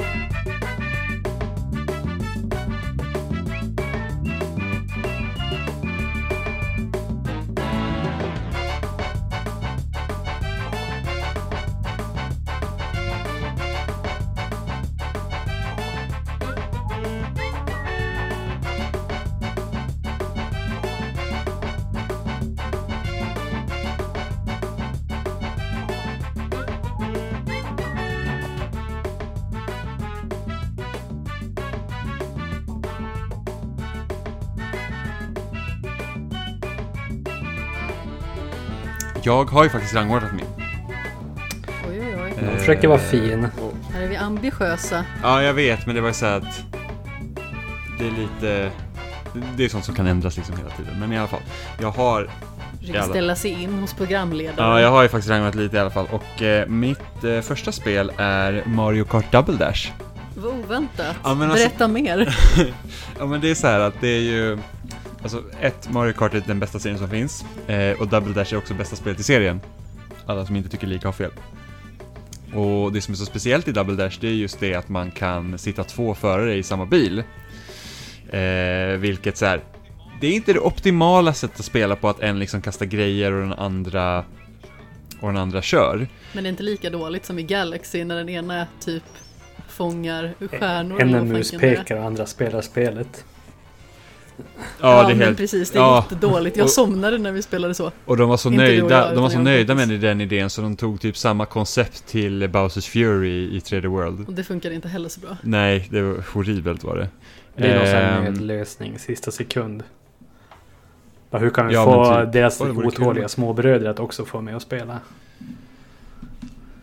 Ja men typ. Men apropå det så var ju faktiskt eh, Super Mario 3D World väldigt roligt att spela tillsammans. Ja det var det. Alltså 3D World-grenen var rolig att spela tillsammans. Bowsers Fury var inte så kul att spela Nej tillsammans. men precis. Du kastade iväg mig För- hela tiden. Samma sak i Sackboy Big Ja, men det är inte med flit, alltså det är så här, har man, har man samma knapp till att plocka upp folk som att springa, då blir det fel. Du bara, här kommer jag! Och så Ja, plockade du upp mig och kastade Hallå. iväg mig. ja. Ja, verkligen. Jag tyckte, på tal om, Eh. jag avbryter lite bara. Eh, på Super Mario 3D World. Det må vara kul co-op men inte på fyra. Det blir för stökigt. Tycker jag. Två funkar ganska så fint. Jag kan tänka mig det. Jag har inte testat man- med fyra. Ja, med två, jag kan tänka mig fyra blir det för rörigt. Det är samma sak i New Super Mario Bros-spelen som hade co-op. Eh, och var man fyra på det, det var liksom Man vill ju galet. liksom kolla omkring lite när man då- spelar. Äventyra bana lite. Men det är alltid någon som springer långt fram och ska in i rör först. Och kameran följer en person typ. Och man bara... ah, Och det kan ju vara ett litet problem i 3D World. Att den ena typ springer iväg och så hänger man inte med och så blir man bubblad på ett så himla dumt ställe eller någonting sånt. Ja, Sackboy hade ett ännu jobbigare grej. Det var typ att man dog och sen så kameran bara Åh, låt oss zooma in på den döde. så att Precis, den zooma in liksom på i täten, den liksom bara säger jag ser ingenting. Det finns ju sådana här speedrun-banor i Sackboy. Och då när vi skulle spela det tillsammans då var det ofta typ så här Jimmy samlade saker, typ sådana här tidsmarkörer som man får mer tid att spela med. Och jag bara rusar. Och problemet var då att när Jimmy då råkade dö så zoomade du in som satan Ja. på dig. Och då liksom sprang jag ju iväg ur skärmen och visste inte var jag var för någonstans. Det var flera gånger som vi eh, förlorade på grund av det. Ja, verkligen. Eh, men grejen vad som är så kul med Kart Double Dash, det är just det att när man är många och sen kanske inte alla är lika vana att spela, då kan det vara svårt att styra. Så då kan ju en liksom sitta och skjuta grejer istället, och då blir det jäkligt roligt. Så vi hade ju liksom, jag tror det var jag, Robin, eh, min syster och sen några kompisar som satt liksom och spelade Mario Kart Double Dash. Vi liksom turades om och ha olika konstellationer och sådär, och det var ju superroligt verkligen. Jag har aldrig, jag har aldrig provat Double Eh. Dash i ett co-op eh, vis. Jag har alltid bara spelat man raceat som var så till varsin bil när jag har spelat. Men jag har aldrig, jag har aldrig, Mm. Aldrig provat att man co-opar. Jag, jag har tyckt det har låtit tråkigt så jag har aldrig riktigt gett en chans. Alltså det, man kan få jävligt bra teamwork, alltså typ, man kan få ännu större boost i starten om båda liksom trycker på A vid Mm. rätt tidpunkt. Eh, och sen så, den som sitter bakom då kan liksom när man, när man slirar, då kan man liksom sköta de bråa lågorna då, så att man liksom får en snabbare boost där. Eh, så att, och sen så är det så här att shit, nu kommer ett svårt parti, då kan man liksom också byta plats med varandra genom att trycka på Z-knappen. kommer ju Jimmy vilja ta ut skilsmässa här höll jag på att säga. Men eh, jag har ju faktiskt spelat Wii-versionen av Mario Kart mest av allt. Ja, men alltså, jag har också spelat Wii-versionen väldigt mycket. Eh, men Vad det är skönt liksom... att du säger det. Jag tror att det tråkigaste med Wii- Wii-versionen var ju... Wii-versionen. Det stroppiga Wii. Ja, ja, det spelar lite Wii. Nintendo Wii. Eh, och det tråkiga med det är ju det att kartsen blir ju nästan helt onödiga för att motorcyklarna var så bra. Det är Nintendos nya co- jag körde co-op-konsol. sällan med motorcykel. Nintendo Wii. Ja. eh, precis. Mitt eh, fjärde spel, eller mitt fjärde spel, fyra på listan, jag känner mig helt borta, är faktiskt Gears of War. Eh, och där har jag egentligen inte valt ut ett specifikt spel för att jag tycker i princip alla spelen är liksom värda att spela liksom igenom med någon annan. Eh, Jag och tror jag tyckte ettan var roligast när vi spelade igenom det. ja, jag har Det är ju... väldigt mycket så här rätt fram. Ja, jo det är det. Och, plöja och bara mula as. Och ettan har ju lite av ett så här skräcktema också jämfört med de andra. Eh, det blir väldigt mycket så här militäriskt bombastiskt redan i tvåan och framåt. Mm, vad förbannad jag var typ när vi skulle separeras och så springer jag typ i någon teater eller någonting sånt tror jag att det är. Och jag blev ju mulad direkt varje gång jag skulle springa in där. Åh vad arg jag var. Mm. Och vad mycket fula ord det kom. Mm, det gjorde det. Eh, och jag har ju spelat de här spelen så himla mycket. Eh, som jag och Robin, jag kommer ihåg att första liksom, jag tror det var typ jullovet 2008 eller någonting sånt. Eh, så då spelade vi igenom Gears War 1 och 2, back to back på hardcore. Och sen körde vi dem back to back på Insane under samma liksom helg. Eh, för att vi tyckte att det var så himla roligt liksom och, och bli bättre och sådär. Och sen så även liksom i multiplayer och så. Eh, tycker jag att Gears är väldigt kul. Eh, Nummer tre på min lista är Keep Talking and Nobody Explodes. Som är ett eh, VR-spel faktiskt. Nämnde ju Robin också i chatten. Ja, men precis. Har ni Eh, spelat det tillsammans kanske? Det har vi gjort, minsann. Mm. Eh, och det är ju ett jätteroligt spel där en person sitter med VR-glasögon och ska då ha en bomb framför sig som har olika moduler som måste lösas för att då desarmera den. Medan person nummer två sitter utanför med manualen. Och då måste den personen eller ja, först så är det den som är bomben som måste säga vad är det för modul man har på och sen så måste då den personen som sitter med manualen hitta då modulen och sen försöka lösa eh, hur man hur man desarmerar den eh, delen och måste då berätta det för det som sitter i VR. Eh, och varje modul har ju liksom flera olika sätt att lösa det på. Eh, så att det liksom finns olika varianter av den och sen så blir det ju, ju längre in i spelet man kommer så blir de här bomberna mer komplicerade och får liksom de svårare varianterna och det blir fler och fler moduler och sen har ju då en tid på sig eh, att eh, klara det. Och det är liksom en sån speciell upplevelse just för att det liksom blandar nästan det här digitala spelet med ett fysiskt spel. Just med att manualen faktiskt är fysisk om man så vill. Eh, och att man liksom måste hjälpas åt på det sättet. Och speciellt när man då sitter i VR-glasögon, man, man liksom sitter i ett ganska mörkt rum och så har man bomben med en liten så här, typ, det lyser en liten så här, typ, bordslampa. Och sen så ser du inget annat. Utan du sitter framför bomben och det är så himla läskigt för du vet ju Bakom en sån inte. här korktavla. Ja men typ, man vet ju inte alls vad som pågår utanför. Så att, och, och det här var ju typ min första VR-upplevelse också. Alltså jag hade precis köpt eh, Playstation VR vid det här tillfället. Och det var ju så kul för att man sitter ju vid ett bord. Och så vid en gång, jag tror vi hade förlorat eller någonting, och jag bara så åh jag blev så himla sur så här, fan. Och så skulle jag då luta liksom armbågarna mot det här bordet som inte existerar, så att jag ramlade ju liksom av soffan. För att det fanns ju inget att luta sig på. Vad Eh, risigt. Ja, men så att det är liksom, det är en sån unik grej. Eh, som liksom man bara, alltså du, du kan ju spela det här spelet utan VR. Alltså det finns ju på Steam och du behöver inte ha VR. Eh, men det är liksom, det är en del av upplevelsen att den som ska sitta och desarmera bomben måste vara liksom isolerad för det. Så det tycker jag är skithäftigt. Eh, andra plats så har jag Left for Dead. Och det här är ju verkligen typ co-op-spelens co-op liksom. Eh, så det är fyra stycken mot hur många zombies som helst och det gäller liksom att i princip bara överleva och försöka ta sig så långt på de här olika kampanjerna som finns. Som, ja, som det är. Ha tungan rätt i mun. Ja men precis, och sen så att, ah, kör man på normal så är det ju inget svårt. Eh, men det är de svårare svårighetsgraderna som är liksom, det är då det blir liksom riktigt jobbigt. Speciellt Sade på... han på sin höga häst. Ja, speciellt på expert. Och det handlar inte så mycket om att säga att nu ska vi köra Left 4 Dead, spela på expert och klara banan, utan det är mer så att vi ska se hur långt vi kommer. Eh, för att alltså, det kan ta flera timmar att köra en kampanj, om man liksom tänker sig att nu ska vi köra expert och så ska vi klara oss. Och det går inte att spara mitt i, utan man måste sitta i en, en sittning. Och det är så jag liksom lärde känna Oliver eh, och Sebbe via Left 4 Dead när vi spelade, och även Gustav. Eller ja, Gustav kände jag i och för sig lite innan. Robin lärde känna Gustav i Left 4 Dead, så kan vi säga. Eh, så att, och där har vi liksom spenderat så otroligt, otroligt många timmar eh, i de spelen. Och liksom både ettan och tvåan och det, och det liksom, och där har du ju även liksom PVP-delar i spelet också där faktiskt, du, det kan vara fyra mot fyra där du har fyra överlevare som möter fyra stycken då som får spela special infected. Eh, och, och vi har ju haft många matcher där liksom man säger typ, me safe house och sen så hör man alla special infected utanför och man vet att det här är ett lag som vet vad de håller på med. Vi är så jävla körda när vi går ut därifrån nu. Eh, men även liksom har jag ju spelat mycket Left 4 Dead själv. Eh, online. Och så är som på, oh, så här, vad kan det ha varit, 2008, 2009 där så var inte jag så här att det var inte kul att sitta i party och prata med främlingar. Så att jag spelar ju ofta online utan liksom mick. Och även där körde jag liksom expertkampanjer och liksom har spelat med helt random människor där vi enbart har kommunicerat via spelet. Alltså genom att liksom visa med karaktärerna, skjuta på speciella ställen för att liksom visa vad man menar utan över vare sig text eller röst. Eh, så att det är liksom väldigt fascinerande liksom att man kan Alltså att liksom att man, man, man blir så påhittig liksom och då klarade vi nästan en kampanj på expert Mm. liksom. Trots att vi inte kunde prata med varandra. Jag tror jag kan gissa din etta nu. Vad tror du ettan är? Jag tror att det börjar på hej och slutar på low.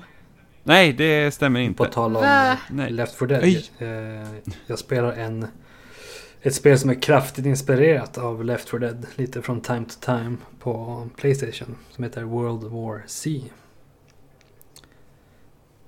Jaha, är det som Ja, det 4 Dead är alltså? horder med zombies och så vissa är specialzombies. Typ st- stora, kraftiga, någon som är giftig, en som spottar på en, en som ropar på fler horder och zombies. Och ska man lägga upp defenses Visst på... fanns det på PS Plus Eh, nyligen? det vet jag inte. Zombie. Army 4 tror jag var nyss däremot.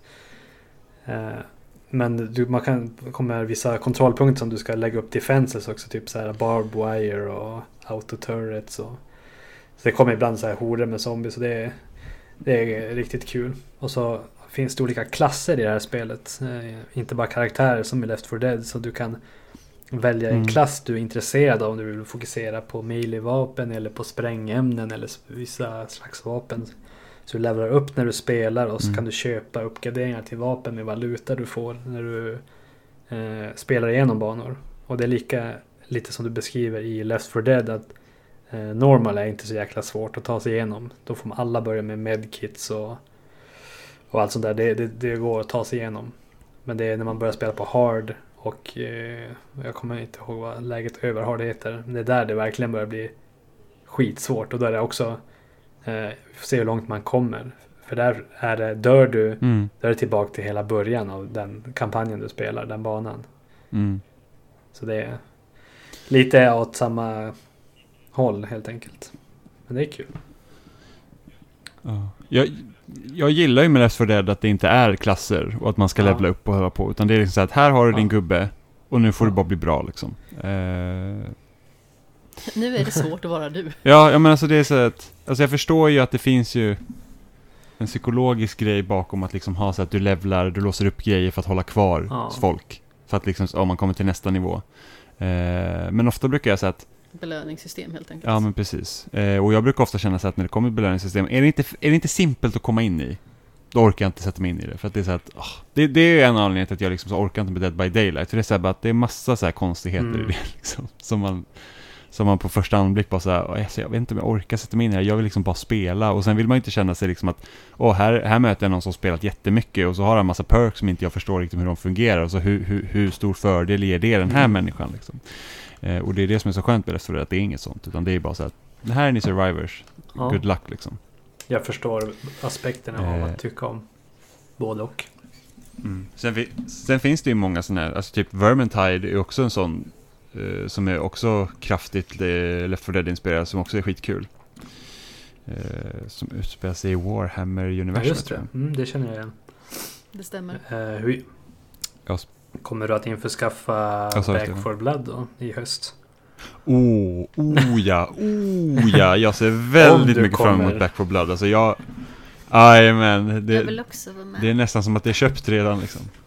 Eh, så det... Alltså jag har ju längtat efter Left 4 Dead 3 hur länge som helst för att liksom... Även om det liksom har kommit kopior då så att ingen gör riktigt Mm. spel som Valve. Alltså de, de, det, är, det är en speciell känsla i deras spel och det liksom går igen i både liksom Portal, Half-Life och Left 4 Dead liksom. Att de, de, man känner att de liksom har ju samma typ av DNA Mm. nästan. Nu när du nämnde Portal så kanske det är Portal 2 Ja, precis. För det, det för mig osökt in på nummer ett och det är Portal 2. Yes, jag kände att jag fick en liten personlig vinst. Eh, och där känner jag liksom att, att ett Portal 2 är redan, bara liksom single play-kampanjen är det ett magnifikt spel. Eh, Co-open är ju dock, den är grym. Det är jätteroligt. Det, det, det är liksom, Jag förstår inte varför vi tappade det. jag vet inte heller varför vi Jag gillar att det är en separat, en egen hel kampanj för co-op-läget. Det är... Alltså det är, det är helt Ja, fantastiskt. men det hade inte... Ja, det hade inte funkat liksom att göra så här att, ja men nu kör ni storyläget tillsammans för att då, det måste för vara co-op för i att- så fall. Ja, Det är liksom nej, så för att- att, hela singleplayen Ja. är uppbyggd på att du ska bara ha dina två portaler och bara din hjärna. Precis. Och, Det är, det är sån co-op i Precis. singleplay-läget. och bara det liksom att du har en, en till portal gun med två extra portaler så blir pusslerna också mycket mer komplicerade. Mental överbelastning. Alltså det blir ju verkligen så. Det, Jag har ju spelat igenom jag har ju spelat igenom co-op-läget liksom med Robin, jag har spelat igenom det med Oliver och sen jag och Amanda började lite förra, förra året tror jag. Eh, som vi inte spelade klart. Men liksom, när jag och Oliver körde typ mitt i natten en gång och det är så här att man sitter bara och stirrar på de här jäkla pusslen så bara jag kommer ingen vart. Jag vet fan hur jag ska göra liksom. Och så dunkar Det känns man typ som att man har tre hjärnceller då. Man bara, vad är jag Ja, men precis. ens? Och sen jag så bara- inte varför Och sen så inte får går. man en idé och så bara känner hur man glider ur den. Man säger bara, nej jag tappar den. Jag liksom, det är för komplicerat för min hjärna att bara förstå det nu, så att jag tappar idén när jag nyss kom på. Men det är lite som klankpusslarna i A Crack in Time, när man liksom sitter där och bara så här. Nu förstörde jag ju bara för mig själv. Ja men precis. Jag sen, så, gjorde rätt och sen så förstörde jag. och sen så typ så här, man går på så här, man, man har gjort på ett sätt. Och jag, jag är så här, jag är så lat. Jag, jag är så här, jag vill inte göra om allting. Utan då är jag så här, okej, men nu har jag de här fyra karaktärerna som gör det här. Vilken karaktär måste jag ändra nu för att det ska bli korrekt? Och då måste man liksom ha ändå fyra idéer i huvudet samtidigt, så du måste ju hålla koll på vart alla går. Eh, och lite så är det i Portal, liksom, att man, man måste liksom säga att vilken portal ska jag sätta nu så att det blir rätt? För att det, är- det är också så här, så här de båda hjärnhalvorna får typ slåss med varandra, för det är typ så bara, vilken var det nu, vänster eller höger? så, så man måste tänka så här, okej, och hur Det är lägger så kul när båda står på en Är det- ljusbro och så tänker man okej, för att det här ska gå vägar nu, då måste jag skjuta rätt portal på väggen där borta. och så skjuter man klick. Och så skjuter man fel och ljusbron man står på försvinner, man bara faller ner till döden. Ja, så att eh, det, det är verkligen ett fantastiskt eh, co-op-läge. Och jag, också så här, jag önskar också att Valve skulle göra ett Left 4 Dead, nej inte Left 4 Dead, utan ett, ett Portal Left 3. Portal. Eh, Left 4 Portal. Eh, Portal Dead. Så att, eh, nej för att jag, jag tycker Portal 2 är typ ett av de bästa spelen jag spelat. Det är så himla bra. Det är få spel man bara önskar man kunde plocka bort från hjärnan hur, hur eh, och uppleva för första gången igen. Ja, liksom bara det typ att... ehm, och nu kommer jag inte ihåg vad han heter, han som är direktören för hela... eh, han som eh, J.K. Simmons spelar. Eh, och han har sin jävla rant om eh, citroner. Och det är så jävla roligt. Och sen har man ju liksom Glados med, alltså jag tycker Glados är typ en av de bästa skurkarna som också gjorts, så det är så himla kul. För jag, jag kommer aldrig glömma det i Portal 1 när jag spelade det, och det var ju så att jag hade, jag hade bara haft min 360 i någon månad. Och, och det var ju så himla Mm. billiga spel. Liksom spe, alltså, man, man gick från att spela på Nintendo-konsoler liksom, där alla spelen kostar typ, det är 500 spänn. That's it. Det, liksom, det går aldrig ner i pris i princip. Sen köper man en 360 och då har liksom spel som Mm. kostar hundringen. Och det är, det är inte liksom vilka spel som helst, det är bra spel. Så jag spelar liksom, första månaden med 360 så har jag liksom köpt så här Orange Box, Call of Duty 4, Halo 3, eh, Bioshock, Mass Effect. Det var liksom så här att det var typ bara greatness overload i princip. Eh, och jag, och jag köpte Speldekadens. Ja, men jag köpte ju Orange Box för Half-Life för att alla sa att Half-Life var så himla bra. Och jag hade ingen aning om vad Portal var för någonting. Och så, så liksom, ja, var klar med, med Half-Life 2. Så bara, fan, jag ska, nog, jag ska nog starta det här Portal liksom, se vad det är för någonting. Och liksom bara få höra GLaDOS liksom typ psyka en. Och jag visste inte vad som skulle hända. Jag var ju helt säker på att när man börjar bryta liksom mot spelets regler och man liksom hamnar utanför banor, att jag bara, nu är det någon jävel som kommer hämta mig. Så att jag var, hade skitbråttom genom de här jävla banorna för att jag var helt säker på att jag var jagad. Oj. Eh, fantastiskt. Jag skaffade The Orange Box för att spela Portal. Mm.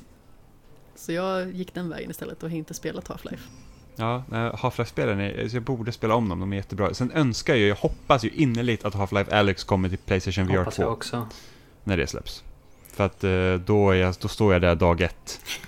Att jag vill inte köpa ett VR-headset till min PC som jag kommer använda till ett spel, även om jag tror att jag hade tyckt att det var värt det.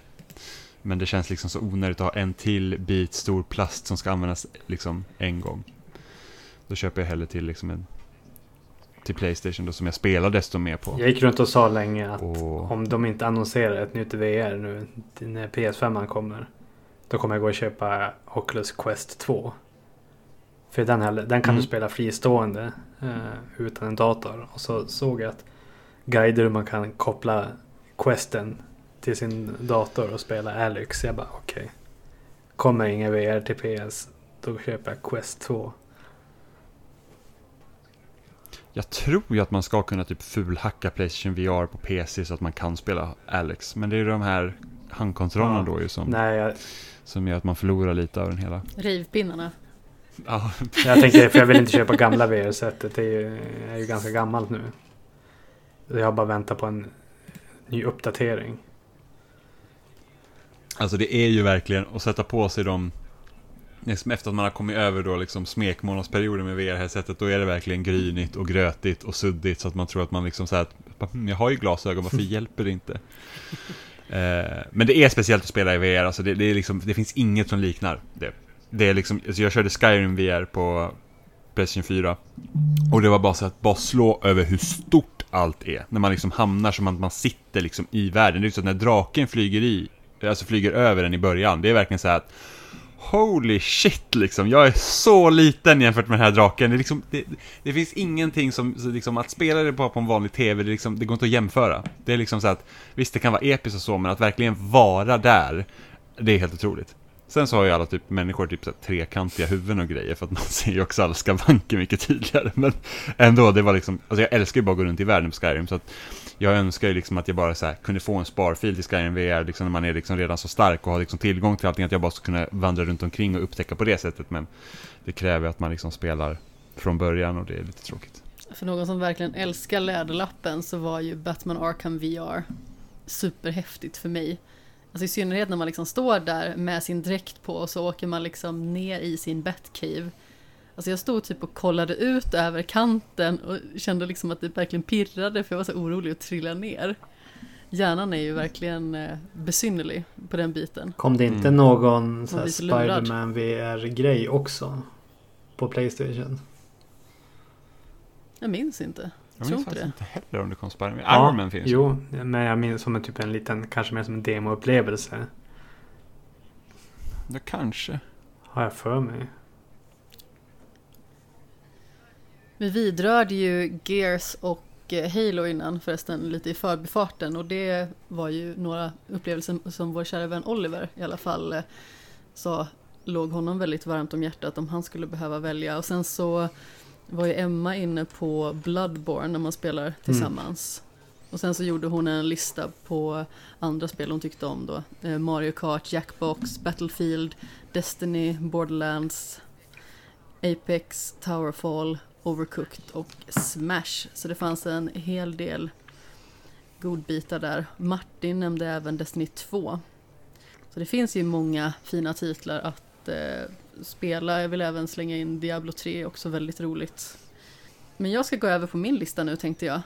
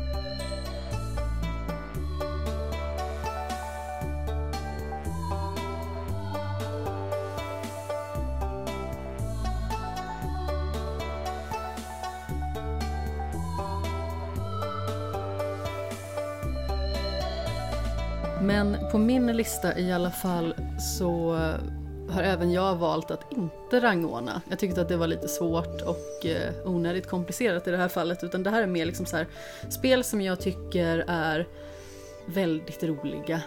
Helt enkelt. Att spela tillsammans på ett eller annat vis. Och eh, föga förvånande så är ett av de spelen Fall Guys Ultimate Knockout. Alltså när Jimmy flyttade ner och vi satt och spelade det bredvid varandra och vi spelade med dig Stefan och vi spelade med Alexander, vi har även spelat med Filip sedan. Alltså det har varit så himla roligt bara. Alltså både liksom när man spelar för sig själv men bredvid varandra och även när man liksom då spelar i squad mode. Alltså det är så fantastiskt roligt. Och jag tror att det är få spel som jag har spelat så himla mycket som Fall Guys. Jag tror jag är uppe i 210 timmar eller någonting sånt vid det här laget. Det är verkligen fantastiskt. Och alla de här banorna, visst det finns vissa som kanske inte är lika fantastiska, men det är liksom en fröjd och bara en fest att starta upp det här spelet. Det är så roligt och tokigt och det är liksom jag vet inte hur man ska beskriva det. Det är ju som eh, Wipeout i, i stort sett. Alltså den här eh, tv-serien. Där man liksom måste akta sig för olika typer av bommar och hoppa och eh, akta sig för olika typer av hinder helt enkelt och ta sig förbi det. Och det finns så himla många knasigheter och det här teamet som har satt ihop spelet och hela tiden uppdaterar det så himla frekvent med nya roliga saker. Det finns nya uppdatering till befintliga banor. De gör ny musik. De här säsongerna har varit väldigt olika men också väldigt roliga. Och nu har jag liksom inte kommit till maximal nivå under den senaste säsongen för att precis när den kom i stort sett så började det komma väldigt mycket andra spel. Mm. Men alltså de andra har det gått så himla fort att nå max bara för att det är så orimligt roligt att spela. Ja, det är verkligen superroligt. Alltså Fall Guys är, det, det är ett grymt jäkla bra spel alltså. Och det roliga är att vi kände ju verkligen inte till vad det skulle vara nästan. När vi satte oss och spelade. Utan var att du testade det medan jag jobbade tror jag. En dag. Och bara så här, ja men det här känns lite kul. Och det här kommer vi nog inte spela så mycket mer. Och sen så har vi spelat det så otroligt mycket efter det. Ja, men det var så sjukt för jag kommer ihåg att vi satt i princip en helg med Fall Guys. Och jag kände så Nästan att, bara spelade det. ja, och jag kände så här att, ja men alltså efter den här helgen så är det nog bra för mig. För att nu vet jag vad det liksom går ut på. Och det är liksom, det, det är nog fine. Och sen så vet jag inte vad det var, det blir som, som ett, nästan beroende. Det var bara så att jag måste bara spela med Fall Guys för att det är så himla kul och det är liksom Även om det är tävlingsinriktat så är det, känns det ändå inte som att det är så mycket Man har inte så stor press på sig. Det är liksom, det är ganska liksom ledigt och lätt att spela. Alltså det finns ju en väldigt överhängande lekfullhet i spelet. Som gör att visst, man kan ju bli förbannad. Det har vi ju båda blivit och skrikit och haft oss här hemma. Och eh, jag kan ju tänka mig att grannarna har nog hört oss ganska så många gånger när vi har spelat Fall Guys. Men efteråt så känner man ju liksom sig inte purken eller sådär. Jag blir ju inte långtidssur på grund av att jag spelar Fall Guys utan jag har ju fortfarande roligt även när jag blir lite förbannad. Mm. Och apropå att bli förbannad så mitt nästa spel är Super Smash Bros Ultimate. Jag tror att mitt eh, favoritspel i serien är nog ändå Melee, precis som jag nämnde i spelsnacks, sån här eh, lista av de fem bästa Nintendo-spelen. Jag älskar det spelet och jag tycker att det är helt underbart. Men det finns så himla mycket mer saker att uträtta i Ultimate. Det finns så himla många varianter, man kan spela mot varandra, man kan spela med varandra och ta sig vidare och försöka att få så mycket poäng som möjligt till exempel och sådant. Så på så vis så tycker jag nog att Smash Ultimate är det bättre spelet så sett.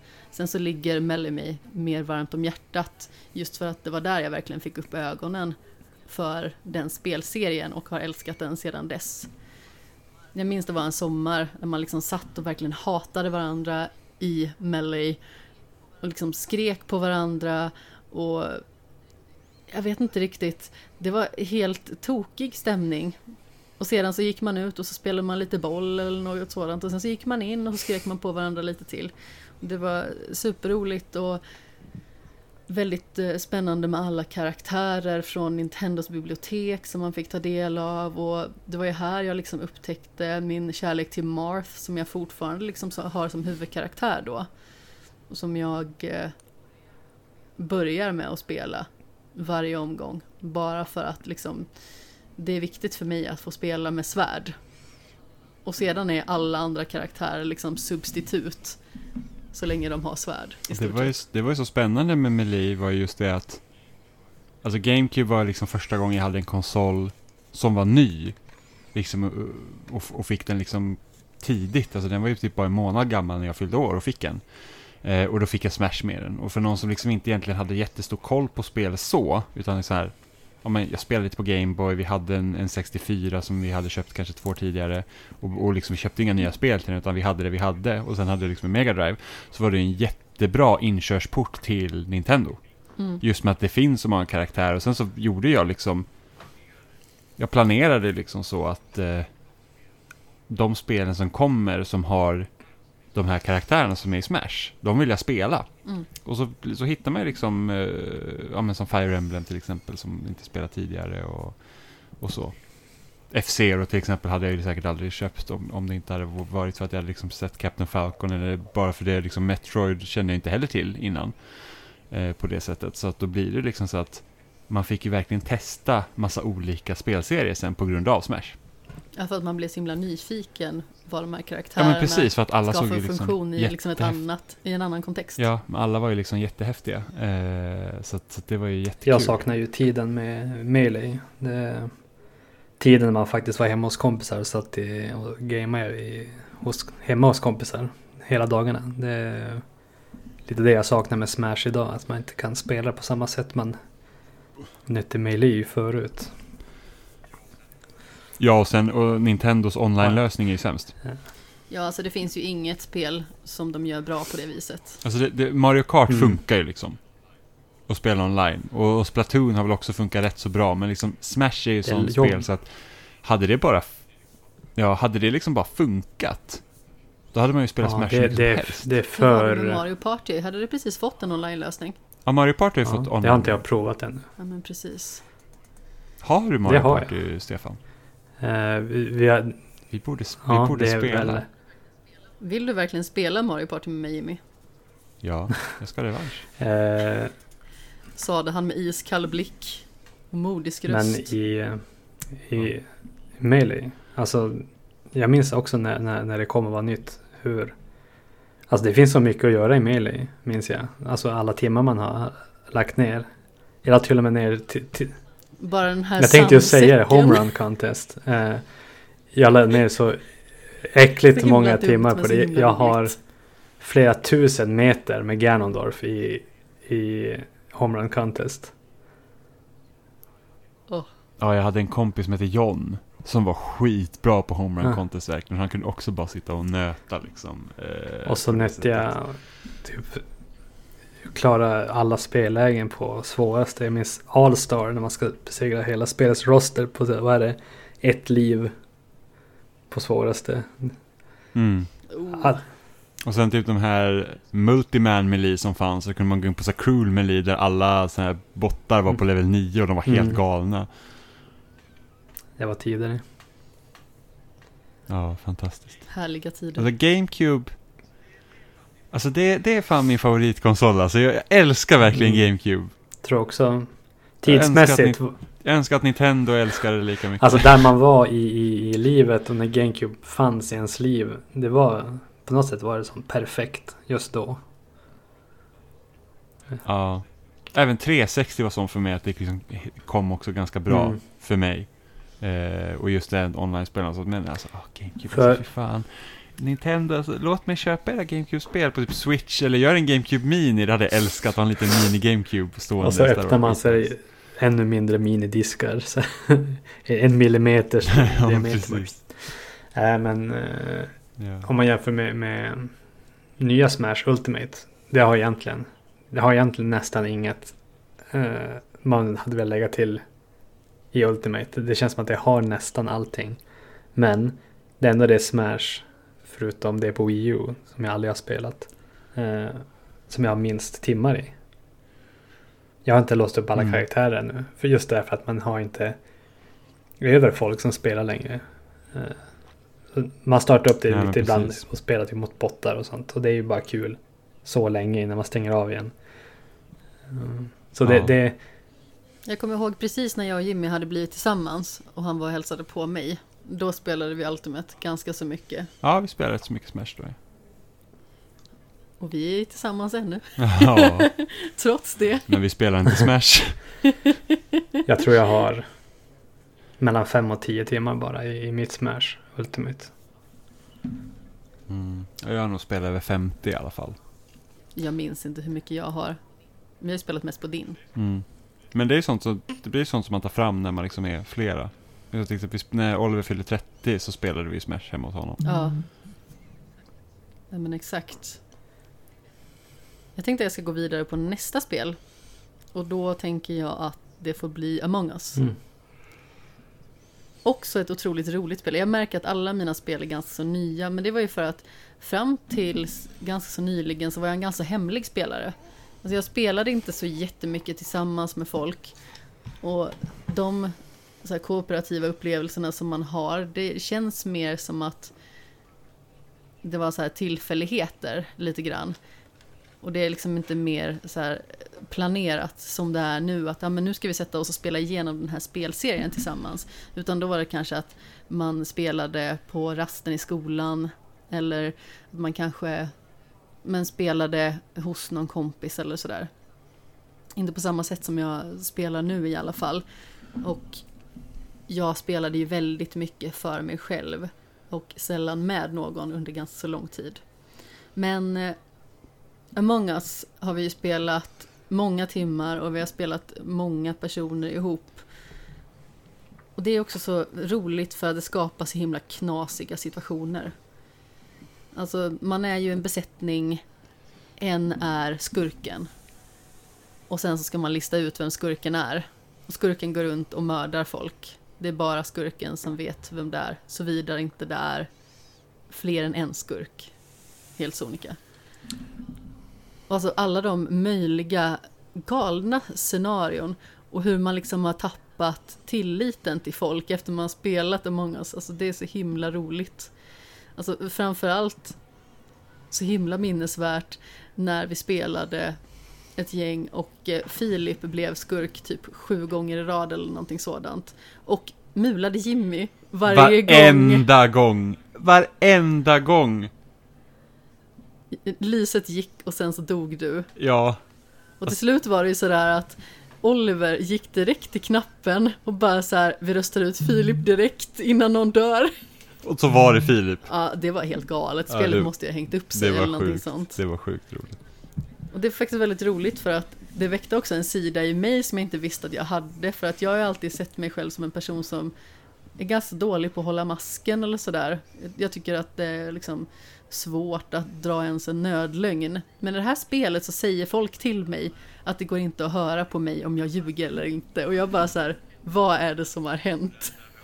Och där, där har jag med problem för att jag kan, jag kan vara så exalterad över att jag har, varit, har mördat massa folk så att jag har liksom svårt att hålla mig liksom så här. Och sen så och sen försäger jag mig jätteofta för jag liksom spinner vidare på mina lögner och sen så snör de ihop sig och sen så då får man ju bara hoppas att ingen annan märker det. Eh, så jag tror jag hade på ett ett tillfälle då hade jag mördat Filip. Eller när jag mördade någon framför Filip och jag bara hävdade helt, alltså med stenansikte bara att Filip mördade den här framför mig och han försöker hänga det på mig nu. Och sen när vi är så få kvar, då försäger jag mig. Och bara, jag bara, vi kan inte veta om Filip var mördare eller inte. Fast jag liksom tidigare då har sagt att Filip mördade någon framför mig. Och de andra som då är, är, är kvar Tänkte inte på det. tänkte inte på det när jag sa det. Så Jag att tror det, att jag var var så, död som vanligt. det var sån jävla tur alltså. I början så var det så här, det är alltid jag som dör först.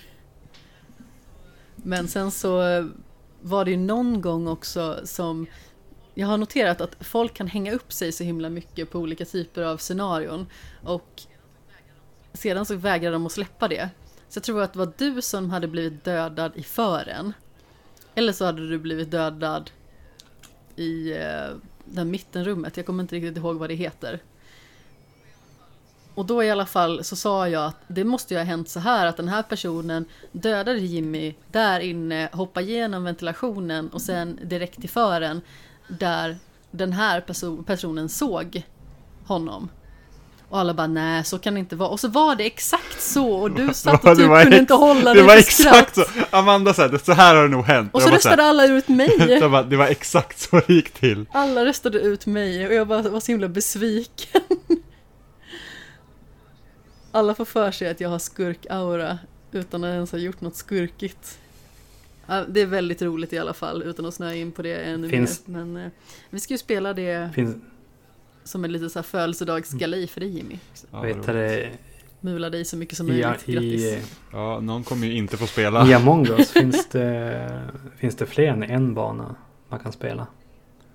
Tre tror jag. Ja, det är fyra nu tror jag. Airship släpptes ju. Det är bara, det är bara den första banan som är kul. Ja men jag. precis, alltså den är perfekt avvägd, den är väldigt smart upplagd och det känns liksom som att det går ganska fort att lära sig hur den är utformad. Men sedan så måste man liksom lära sig attiraljerna till för att det ska gå så bra som möjligt och för att man ska liksom kunna optimera sina uppgifter eller vad man ska Mm. säga.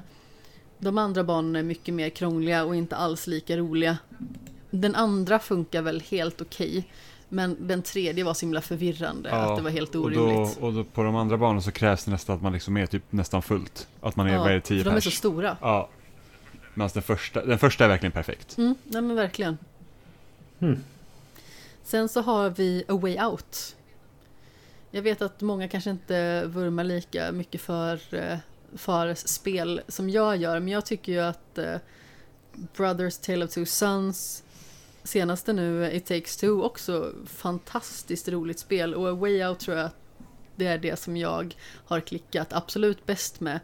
Eh, när det gäller liksom det kooperativa för att Brothers är ju liksom inte co-op på riktigt utan man kan ju köra ful co-op, det vill säga att den ena personen håller sin hand på ena sidan och den andra personen håller på andra. Så jag räknar inte den. Jag tror att det är nog det bästa spelet av de tre.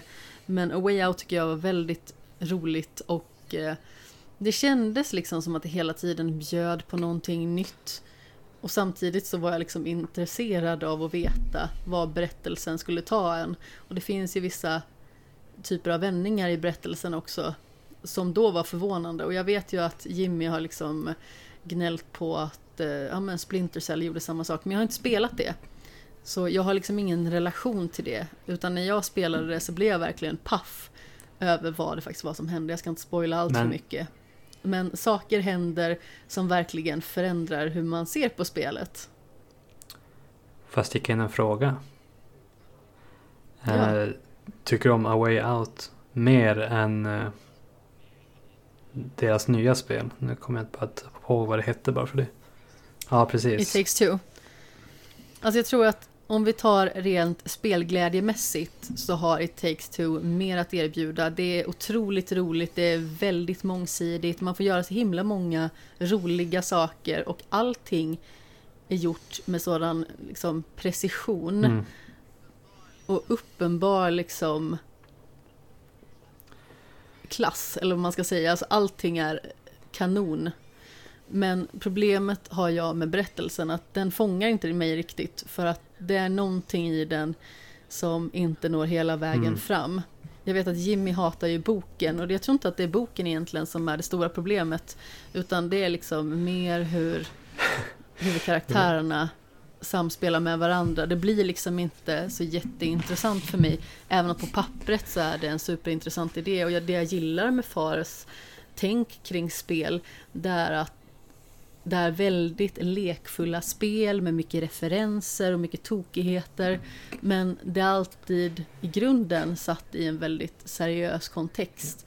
Brothers till exempel, där ska man ju liksom dra iväg på en lång färd för att hitta ett form av eh, elixir så att man kan bota sin sjuka pappa. I A Way Out ska man rymma från ett fängelse tillsammans.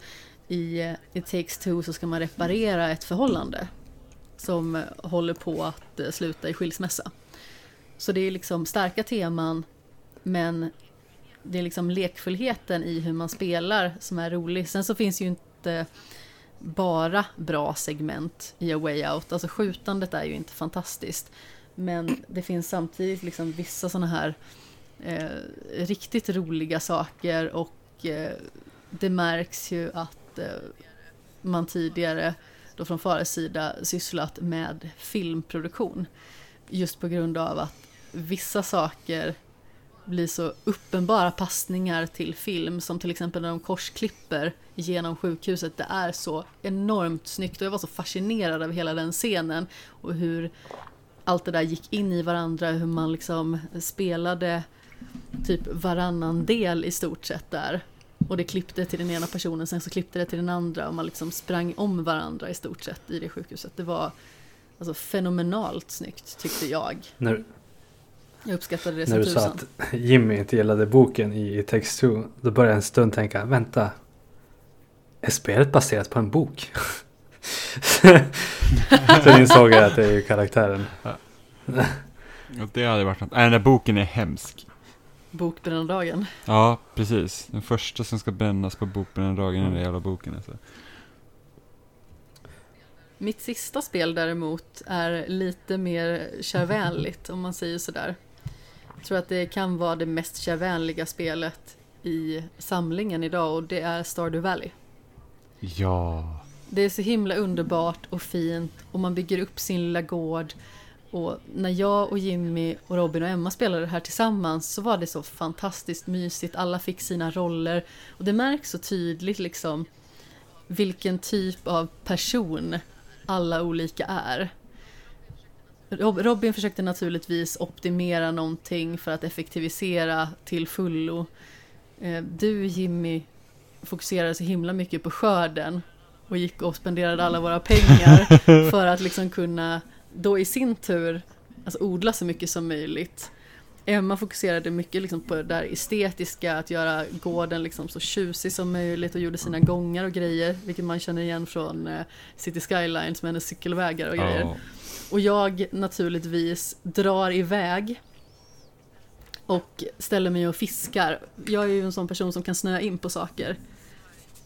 Och det har jag gjort i Stardew Valley. Alltså fiskandet tycker jag är så himla roligt och så himla rogivande. Så jag kunde ju liksom göra mina sysslor, alltså vattna potatisar eller vad det nu var man skulle göra. Och sen så ställde jag mig och fiskade resten av tiden och bara fiskade. Tills naturligtvis klockan började bli så mycket så jag fick så panikkuta hem och alla var alltid oroliga att jag inte skulle komma i tid till läggdags. ja, för att om man inte lägger sig i tid i det Klockan spel två så, så, så tuppar gubben av. Mitt på marken. Jag Ja. köpte Stardew. Så får man typ ett brev sen. Jag har själv inte spelat Stardew Valley. Men jag köpte det till min sambo Ida när hon fyllde år. Vad tycker hon om Ja, det? jag Eller har hon spelat det? Eh, hon, hon har nog börjat närma sig 200 timmar tror jag. Wow. Hon fick upp 200 timmar i eh, Animal Crossing också, det nya. Så tänkte jag, så tänkte jag Så himla bra det hon spelet. verkar gilla den här typen av spel. Och så hittade jag Stardew Valley.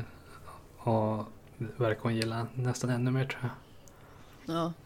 Alltså Stardew Valley tycker jag är ännu bättre än Animal Crossing New Horizons. Jag tycker det är supermysigt men eh, Stardew Valley har liksom någon form av speciell känsla i sig och musiken är verkligen helt magiskt mysig. Den vaggar verkligen in en i den här jag vet inte, myskänslan totalt som en varm filt på något vis. Men jag tror att det som, det som Stardew Valley har liksom mot Animal Crossing då, man tänker rent spelmässigt, är att det är enklare att sätta upp mål i, Animal, eller i, i Stardew Valley. Mm. Och liksom att i Animal Crossing då är det så att ah, men du ska betala tillbaka lånet och sen när du är klar med det så är du liksom fri att göra lite vad du vill. Men Mm. sen har den så här typiska Nintendo-grejer att det är så att varför är det så himla komplicerat att göra de enklaste sakerna. Liksom så här, va- varför, måste, varför kan jag bara göra ett item i taget? Varför kan jag inte liksom bara säga att nu, nu har jag tillräckligt material för att göra fem av den här. Varför kan jag inte göra fem på en gång?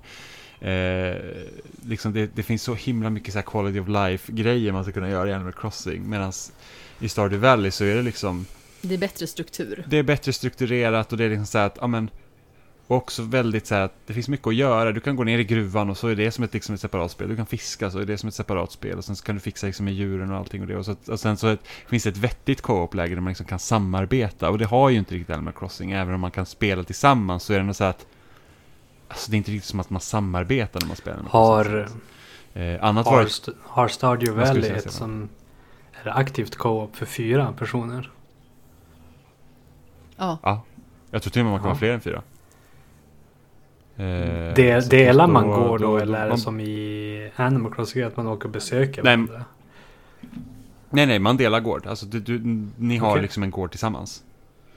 Eh, och så gör man allt tillsammans. Eh, så det, det är jättekul. Det är liksom, och det är ju det jag önskar att Animal Crossing också hade kunnat haft. Att man liksom kunnat dela på någonting. För att så var det ju egentligen eh, på GameCube, till Animal Crossing. Då hade du ju, visst, du hade ju du hade ett eget hus. Men huset fanns ju på samma, Mm. liksom, i samma stad, värld. Eh, så att man liksom så att jag vet att när jag spelade på GameCube så gick, gick jag runt och så gjorde jag saker och sen när jag var borta så kunde min syrra liksom hoppa in i hennes hus och liksom fixa med hennes grejer. Eh, och sen så när man, man kunde dock inte spela tillsammans samtidigt men det var ju så kul liksom att se att ja, men de andra byborna pratade om min syster och sen kunde jag gå in i hennes hus och titta vad hon hade gjort och sådana saker. Så att det var ju jättekul. Men hur funkar det i Stardew om man typ gifter sig med någon? Delas alla fyra på? Jag har faktiskt ingen aning om hur det Ja, funkar. Månggifte. Jag har, faktiskt, jag, har faktiskt, jag har faktiskt ingen aning om hur relationsbyggandet fungerar. Jag, jag tror att om du gifter dig med någon så är det din Mm. karaktär som är gift med den. Och sen så de andra kan gifta sig med någon annan, antar jag. Jag är inte säker. Jag är så himla fascinerad av att det är en person som har byggt det spelet. Ja. Det, det är lite amazing Så faktiskt. djupt Och imponerande. fortfarande uppdatera spelet. Ja. Nu kommer jag ju på när vi pratar om Stardew Valley, jag glömde fan helt bort Minecraft. Det var dåligt av dig. Ja, det var ju fruktansvärt dåligt, för det, det är ju också skitkul att spela tillsammans. Sätter den på en liten piedestal Ja. över ettan. Ja, men alltså Minecraft är ju, alltså, jag skulle ju nog säga att Minecraft är typ det bästa spelet som gjorts. Det har jag en Eh, halvtimme men- speltid i totalt tror jag. Gud, alltså det är så roligt. Alltså jag och Robin har spelat Minecraft tillsammans så himla mycket. Sen har jag spelat mycket med, med Oliver och Sebbe och Johan också. Men, men alltså det, det är så fantastiskt. Jag kommer ihåg när det släpptes konsolversionen första gången på 360 och vi var typ 8-9 pers som var inne i, liksom i, i då den världen jag hade skapat. Och som hoppade upp. Och det var så jäkla kul liksom att alla höll på med sina egna projekt och man kunde typ varit ute och så här minat och letat efter typ diamanter och guld och sådana grejer. Och sen när man kom tillbaka till sitt hus så såg man att då hade någon liksom byggt någonting. Och, och så ändras, ah, det, oh, gud, Minecraft är så himla bra. Jag har typ fem minuter speltid i det. Jag gick in och så blev jag typ stångad av en get och dog eller något sånt. Första gången jag spelade Minecraft, det var, jag köpte det på PC. Det var efter jag varit, eh, eh, jag hade en kompis som studerade på Luleås universitet, så jag var uppe och besökte honom. Eh, och då visade han liksom Minecraft för mig och jag var så här, ah gud, jag måste köpa den när jag kommer hem. Och jag var så här, så jag bara, ah, men jag ska, jag ska hitta det perfekta stället att bygga ett hus på. Jag vill ha det liksom i en strandkant, det ska finnas vatten.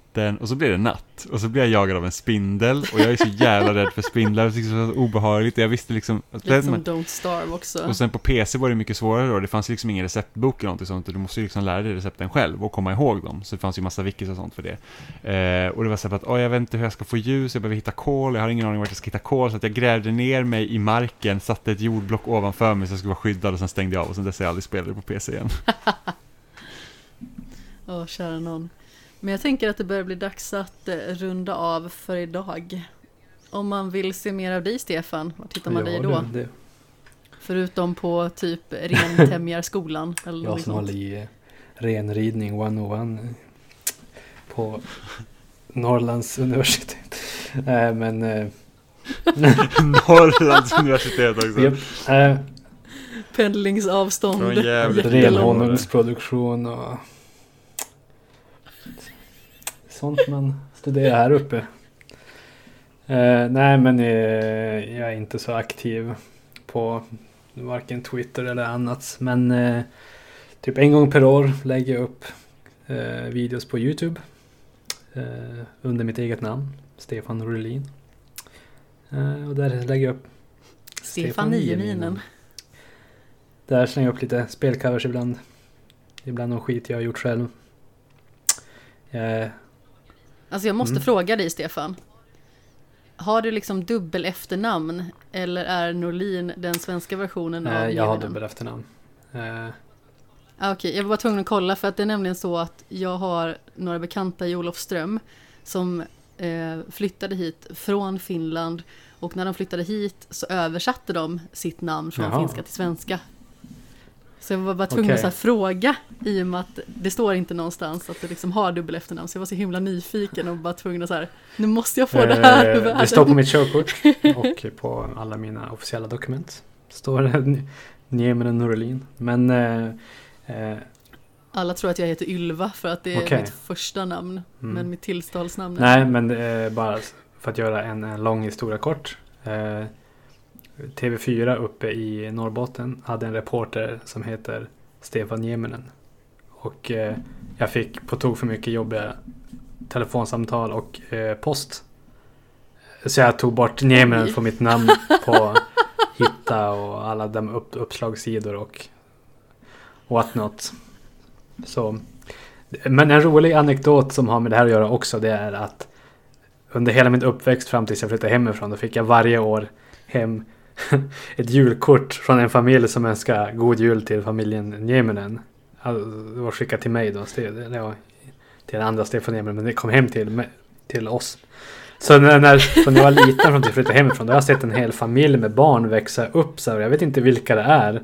Men varje år blir barnen lite större. Och man, man bara, ja, okej. Det är fantastiskt. Förstå, förstå liksom vilket missförstånd det har blivit där. Den här familjen skickar julkort så Nej, kanske de de bara, aldrig får något vad- tillbaka. Vilken Han, han skulle vara en framåtgående Ja. reporter. Vad får man tillbaka? Ja, ingen, inte ett skit. Ja. Jag har ju mitt efternamn, jag delar ju efternamn med en finsk Mm, det- moderkedja. Mm, så det, det, det är lite kul så här, typ, jag vet när Instagram var nytt. Så att då, då var, jag har ju liksom Ja. Seppala. Det är liksom min eh, tagg på Instagram. Så att det är många så här från Finland som taggar mig när de köper kläder. Kul. Men Så de har inte förfrågat dig. De bara, kan vi köpa din Instagram? Nej, de heter Seppala official. Åh, tänk om du ska heta. Seppala official. Ja, precis, man bara köper upp hela liksom så här, Seppala fashion. Clothing. Seppala official. Ja, precis. Så att det, men så att jag, jag har ju skrivit det i min bio på, på Instagram, så här, not a clothing store but my fashion Ja. sense is impeccable. Så Så. roligt. Så, ja. Var hittar man dig Jimmy? Eh, jag skriver om spel på lördagen.se, jag pratar om spel på Spelsnack. Som finns på eh, var som helst där man lyssnar på podcasts. Ja, och jag heter ju Kapten Sten på sociala medier. Sten med två E. Och man kan hitta mig både på loading och på spelsnack. Skämshögen finns också naturligtvis på sociala medier i form av Skamshogen på Instagram och Twitter. Finns på Facebook, eh, finns i allmänhet där poddar finns. Och nu vet jag inte exakt när nästa avsnitt kommer ut. Men vi har ju en följetong som heter Kapten Stens rymdäventyr som jag kommer göra själv där jag pratar om Mass Effect och första delen kommer komma snart. Sedan så vet jag att exakt en vecka innan Ratchet and Clank Rift Apart släpps då kommer vi att släppa ett specialavsnitt där vi pratar om alla spel i stort sett i huvudserien. Jag tycker fortfarande så himla kul när du säger att Skamskogen. För jag tänker alltid på att Skamskogen. Ja men det var ju faktiskt, jag tror det var Sandra Ferroni som trodde att det hette Skamskogen. Skamskogen, ja. Det är där man hittar skogsporren. Och med det Har du aldrig hört talas, vi- vänta, vänta, vänta, vänta, har du aldrig hört talas om skogsporren? Ja men det var väl folk som gick ut och gömde det. Ja precis, och det är jättevanligt att många så här, eh, alltså unga pojkar då, deras första liksom kontakt med porr var då liksom gömda tidningar ute i skogen. Under lite blåbär. Och det är ju liksom så här att och det vet jag ju, jag tror vi hade en tråd på gamla loading där liksom folk gick igenom det, liksom att de har liksom hittat gamla porrtidningar i skogen, men det är ju inte efter porr i busken. Men det är ju liksom inte ett, ett, ett svenskt fenomen heller, utan jag har ju lyssnat på så här amerikanska poddar där de pratar om det och sen har de liksom haft internationella gäster som också pratar om det, så att det tydligen var det en grej att gömma sina porrtidningar i skogen. Jag försöker förstå Mycket vilket mindset man ska ha för att man, "Ah, jag, ska, jag ska gå ut i skogen dra en tralla.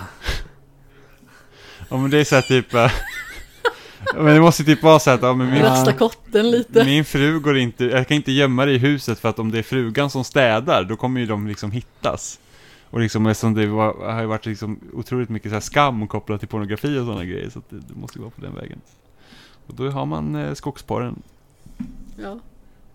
Och med eh, skogsporren så säger vi också hej då.